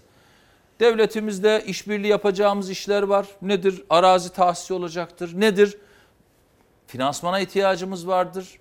Ee, ona göre görüşmeler olacaktır. Herkes seferberlikte elini taşın altına koyacak. Aldığımız karar bu. Bu bütünsellikte süreç yürüyor. Tekrar Şehircilik Bakanlığı'na, valilere, belediye başkanlarına, Marmara Belediyeler Birliği'ne, bilim insanlarına, akademik dünyaya hepsine teşekkür ediyorum. İş böyle yürümeli. Bu güzel, umut Aynen da verici. İş böyle yürümeli. Yani meymenetsiz. Efendim şimdi e, çokça da mesaj var. E, onlarla da devam edelim istiyorum ama sizin yine İstanbul için çözmek istediğiniz bir mesele daha var. Taksi meselesi. E, yine bununla ilgili bir video var küçük. Hemen bir konuşalım. Yani videoyu yayınlayalım hemen bir konuşalım taksi meselesini. İstanbul bütününde Sayın Başkanımızın da İBB'nin de özendiği taksi yapısının bir küçük modelini otogarda başlatmak suretiyle hayata geçirdik. Çok uzunca süredir otogardaki taksi hizmeti belli bir disiplin, belli bir sistem, bir organizasyon içerisinde yapılmıyordu. Yolcu mağduriyetleri ve şikayetleri has safhadaydı. Genelde otogar taksini tercih etmiyordu kimse. Çıkışa kadar yürüyüp oradan biniyorduk. Şimdi bakıyorsunuz bir kurumsallık oluştu. Gözümüz kapalı hiçbir şekilde taksi ayırt etmeden, şoför ayırt etmeden güvenli bir şekilde biniyoruz. Efendim şimdi e, biraz hızlı biraz tempolu böyle sorulara da yetişmeye çalışıyorum. İzleyicilerimizden benim hayalim başlığı altında mesajlar geliyor. İstanbul'la ilgili hayali olan izleyicilerimiz var. Hem bu taksi meselesini konuşalım bir de zamları konuşalım. Hani sizin hizmetlerinizle ilgili önümüzdeki günlerde bir zam karşımıza çıkacak Evet, mı? evet. Zaten bir zam yağmuru var. bir daha böyle bir durumla karşılaşılacak mı İstanbul'da? Şimdi bakın e, taksi meselesi aslında İstanbul'da en memnuniyetsizliğin yüksek olduğu alan. Açık söyleyeyim kötü yönetilen bir sivil toplum kuruluşu var. Ben taksiciler odasını ve yönetimini e, iyi yönetmediği konusunda e, açık ve net altına imza atarım. Ve e, birçok kasıtlı hamlelerini yaşadık. Mesela minibüs dönüşümlerini istedik, otobüs dönüşümlerini istedik. Ya bunlar konuşulmuş, geçmişte anlaşılmış işler. İ- İnanılmaz bir muhalefet ve bu muhalefetle beraber UKM'nin değişen yapısı üzerinden o insanların hakkını bile teslim etmeme konusunda gösterdiği dirence hepimiz şahit olduk geçtiğimiz bir buçuk yıl içinde. İlker Bey, taksi kaliteli bir taksi olsun istiyoruz. Buna bir prototip üretelim istiyoruz. İstanbul Büyükşehir Belediyesi olarak sahibi biz. Bakın hiçbir rantçı bir şey yok. Biz bu arada taksiler bana ne dedi biliyor musun? Satın sorun yok. Yani plakaya satın sorun yok. E İBB işletecek sorun var. Niye? Bir avuç insan plakalar üzerinden para kazanacak. On binlerce taksi esnafı mağdur olacak. Sigortası ödenmeyecek, gelir garantisi yok. Ya biz bir model yani piyasayı regüle eden dengeleyen ve e, insanların daha iyi hizmet aldığı modeli ortaya koyan bir model ortaya koymaya çabası içindeyiz. Kararlıyız. Bu işin üstüne ısrarla ve dirayetli bir şekilde gideceğiz. Bakın buradan zama geçmek istiyorum. Buyurun. Niye? Ulaşıma zam istedik biz dün. Reddedildi. Bu ulaşım zammı ne için? Aslında biz geçen e, sene sonu ulaşım zammını getirebilirdik İlker Bey. Evet. Ve biz taksilere zam verdirttik geçen sene. Minibüslere de verdirttik. Dün getirdiğimiz zam teklifi ne biliyor musunuz? O tarihte o zammı biz getirebilirdik ve kabul edilirdi. Dedik ki biz o zaman zaten otobüs taşımacılığında e, yolcu sayısı az. Pandemi dolayısıyla kapanmalar var. Bu daha da artacağı öngörülüyor. Biz bunu kapanmaların sonuna erteliyoruz. O zamanki açıklamalarımız var basında. O zammı dün getirdik UKM'ye. UKM bunu reddetti. UKM niye reddediyor? UKM eskiden aslında Büyükşehir Belediyesi'nin eskiden dediğim bir buçuk sene önce Büyükşehir Belediyesi'nin ağırlıklı birimlerin içinde olduğu bir heyetti ve kararlar öyle alınıyordu. Dediler ki bir dakika ya hani ellerinde olsa İstanbul Büyükşehir Belediyesi'ni bile kapatacaklar ya ellerinden gitti ya malı mülkü görüyorlar ya İstanbul'u. Atamalar yaptılar. İstanbul Büyükşehir Belediyesi'nin bu e, UKM'sine örneğin Aile Çalışma ve Sosyal Hizmetler İl Müdürü'nü oraya görevli atadılar. İl Müdürlüğü'nü. Vali, e, e, Milli Eğitim Müdürlüğü'nü görevli atadılar. Bunun gibi birkaç görevli daha koyarak sözüm ona sandalye üstünlüğünü ele geçirdiler. İstediğimize evet deriz, istemediğimize hayır deriz. Bu akıl dün bizim ulaşım zammımızı reddediyor. Peki ulaşım zammı niye yapılır? Bakın burada hesaplama sistemi var ulaşım zammının. Enflasyondan %35 çarpanı alıyor. Asgari ücret artışından %35 çarpanı alıyor. Yakıttan %30 çarpanı alıyor ve ulaşım zammı böyle hesaplanıyor. Enflasyonun sorumlusu ben miyim? Hükümet. Asgari ücretin hükümet. Yakıt artışının hükümet. Çarpılıyor, bölünüyor. %22.47 bizim zam yapmamız lazım ki kendimizi koruyalım bu artışlara göre ve hizmet verebilelim. Reddediyoruz diyor. Gerekçe yok. Aynı şeyi İSKİ'de yapıyorlar. Efendim İSKİ'de biz e, Yani siz bütçe olarak dayanamadığınız için mi ya gayet tabii. Ya hizmet nasıl vereceksin? Yani yakıt artıyor. Ve personeline zam yapıyorsun. Enflasyon artıyor. Maliyet artıyor. Bakın İSKİ şu anda 2021 gelir gider tablosunda eksi 600 milyon bütçe açığı veriyor. Niye? İki senedir bize zam yapılmıyor. Yapılan zam ne biliyor musunuz? Peki İSKİ parayı alınca nereye harcıyor? Atık su arıtmaya harcıyor. Hatta onun da şeyini göstereyim burada. Mesela İSKİ bütçesinin dağılımı 2021'de %38'i su yatırımlarına. %50'si atık su yatırımlarına. Yani bütçesinin %88'iyle yatırım yapıyor. Bakın sadece 900 milyon lira harcayarak İSKİ İstanbul'un sel ve su baskınlarıyla ilgili bütün kritik noktalarını çözüme kavuşturdu. Yıllardır ihmal edilen. Yani Üsküdar'da denizle meydan birleşiyordu biliyorsun. Yani orayı bile e, çözen bir süreci ortaya koyduk. Peki İSKİ'nin zammına karşıyız diyorsun. Neye karşısın kardeşim? Öyle diyor karar aldık diyor biz zam vermeyeceğiz size diyor. Hatta sözcüsü Yani çıkmış. gerekçe yok. Gerekçe yok. Sözcü çıktı diyor ki seçim döneminde indirim yaptınız. Niye yaptınız diyor. Ya arkadaş pahalıydı su. Denk bütçeye çektik onu. Yüzde 40 indirim getirdik teklife.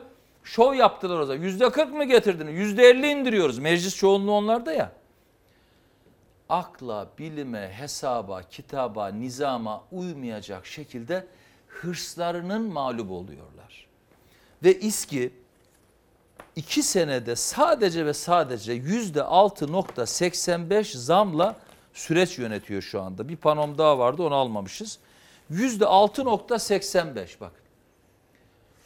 Yüzde 25 civarında su zammı olursa olursa ancak dengeli bir bütçeye erişebiliyor İSKİ. Peki aynı dönemde, aynı dönemde elektriğe ne kadar zam geldi? Yüzde 36. Elektriğe. Bakın İSKİ'nin en büyük giderlerinden biri elektriktir. Yılda 1 milyar lira. 1 milyar lira elektrik faturası öder İSKİ. Evet. Niye? Melenden su basar, barajlardan su basar. Yani hiçbir ülkede zammın sorumlusu belediye değildir ki. Hükümettir. Yani o ülkedeki enflasyondan sorumludur, zamlardan sorumludur, e, fiyat artışlarından sorumludur vesaire. O bakımdan bu zammı vermeyenler, sözüm ona koltuk hesabı üzerinden zammı engellemeye çalışanlar hakkında suç duyurusunda bile bulunacağım. Çünkü Suç duyurusunda tabii tabii çünkü çünkü koltuk hesabıyla biz hizmet çünkü siz insanların su hizmeti almalarının önüne set kuruyorsunuz. Ulaşım hizmette bakın 4 milyar liraya doğru çıkan bir sübvansiyonumuz var bizim ulaşımda şu anda. 4 milyar lira. Yani 5 yıl boyunca 5 yıl boyunca eee, İstanbul Büyükşehir Belediyesi'ne zam vermeyecek misiniz yani? Neymiş yetki mecliste? Kanunun yetkileri nasıl verdiğine dair sağlıklı tarifler vardır. Buna bakacağız ve orada görevini kötüye kullanan kimse meclis üyesi olarak onların hakkında gerekli hukuk işlemi yapacağım. Ee, Sayın Başkan yine çok önemli bir konu. Kentsel dönüşüm. Bir deprem hani biz bunu yaşayacağız. Bunun kaçışı yok ama o depreme de hazırlıklı olmamız gerekiyor. Ve hani bu kentsel dönüşüm yapılırken daha vicdanlı, daha adil, insanları dinleyerek bu yapılamaz mı, başarılamaz mı?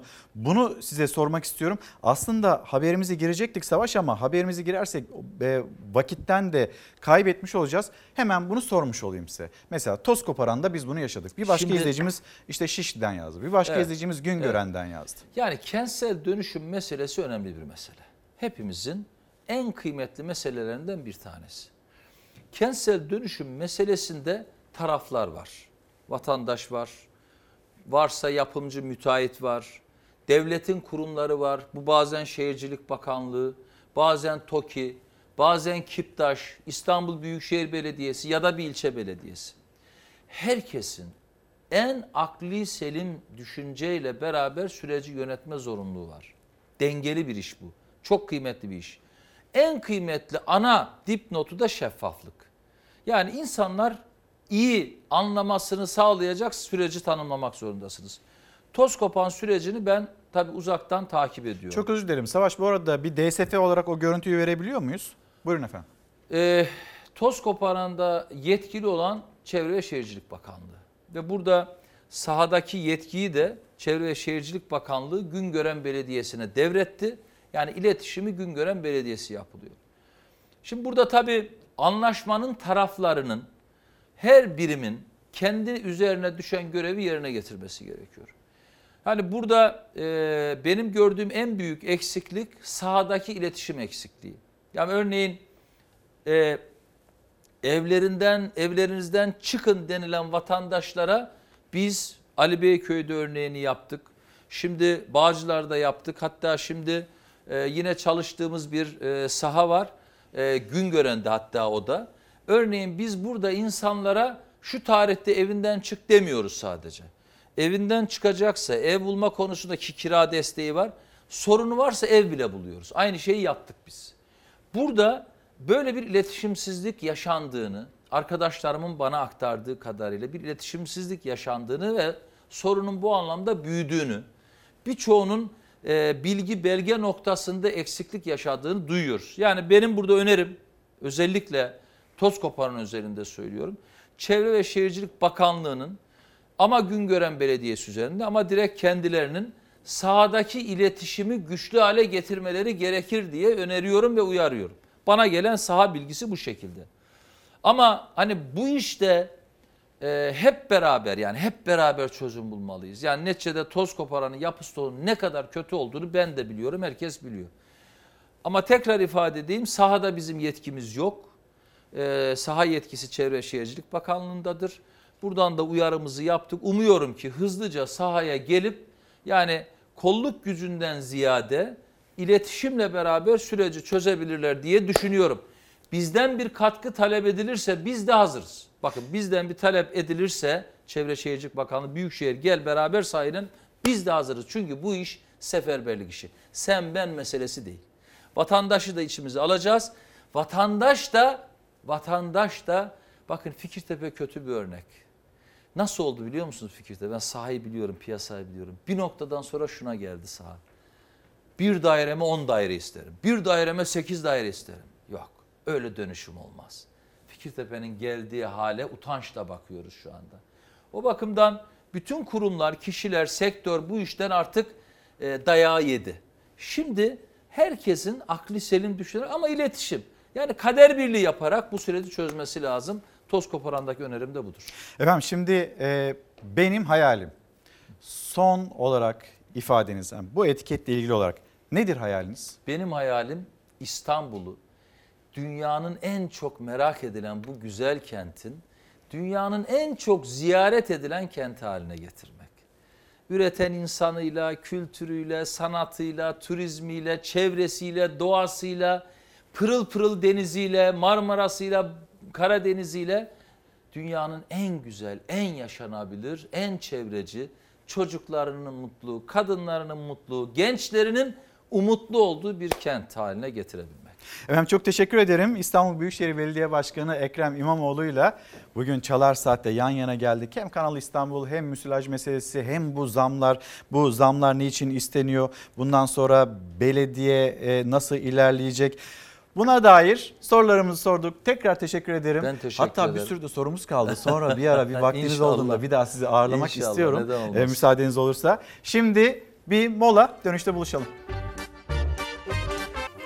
Efendim bir kez daha günaydın. Bugün için noktalama zamanı geldi. Kitaplarımız var. Onları da göstereyim hemen size. Masamızdan alalım. Parmaklar havaya kim duma dum kime? Gökhan Özcan. Çevrim içi gençlik Seyfullah Şenel. Kahraman Eroğlu, Müdür Baba Sosyal Hizmetleri Adanan Bir Ömür. Eşekle gelen Dostoyevski Ersin Bilge. Ebru Usanmaz, Amber Peri ve Büyülü Orman bizlere ulaşan kitaplardı. Bunları da paylaştıktan sonra kapatırken her zamanki gibi teşekkürüm sizlere. Bizi izlediğiniz için teşekkür ederiz. Bir aksilik, mani keder olmazsa hafta başında yine Fox ekranlarında saatler 8'i gösterdiğinde çalar saatte buluşuruz. Hoşçakalın. Güzel bir gün olsun. İyi, güzel, sağlıklı bir hafta sonu olsun.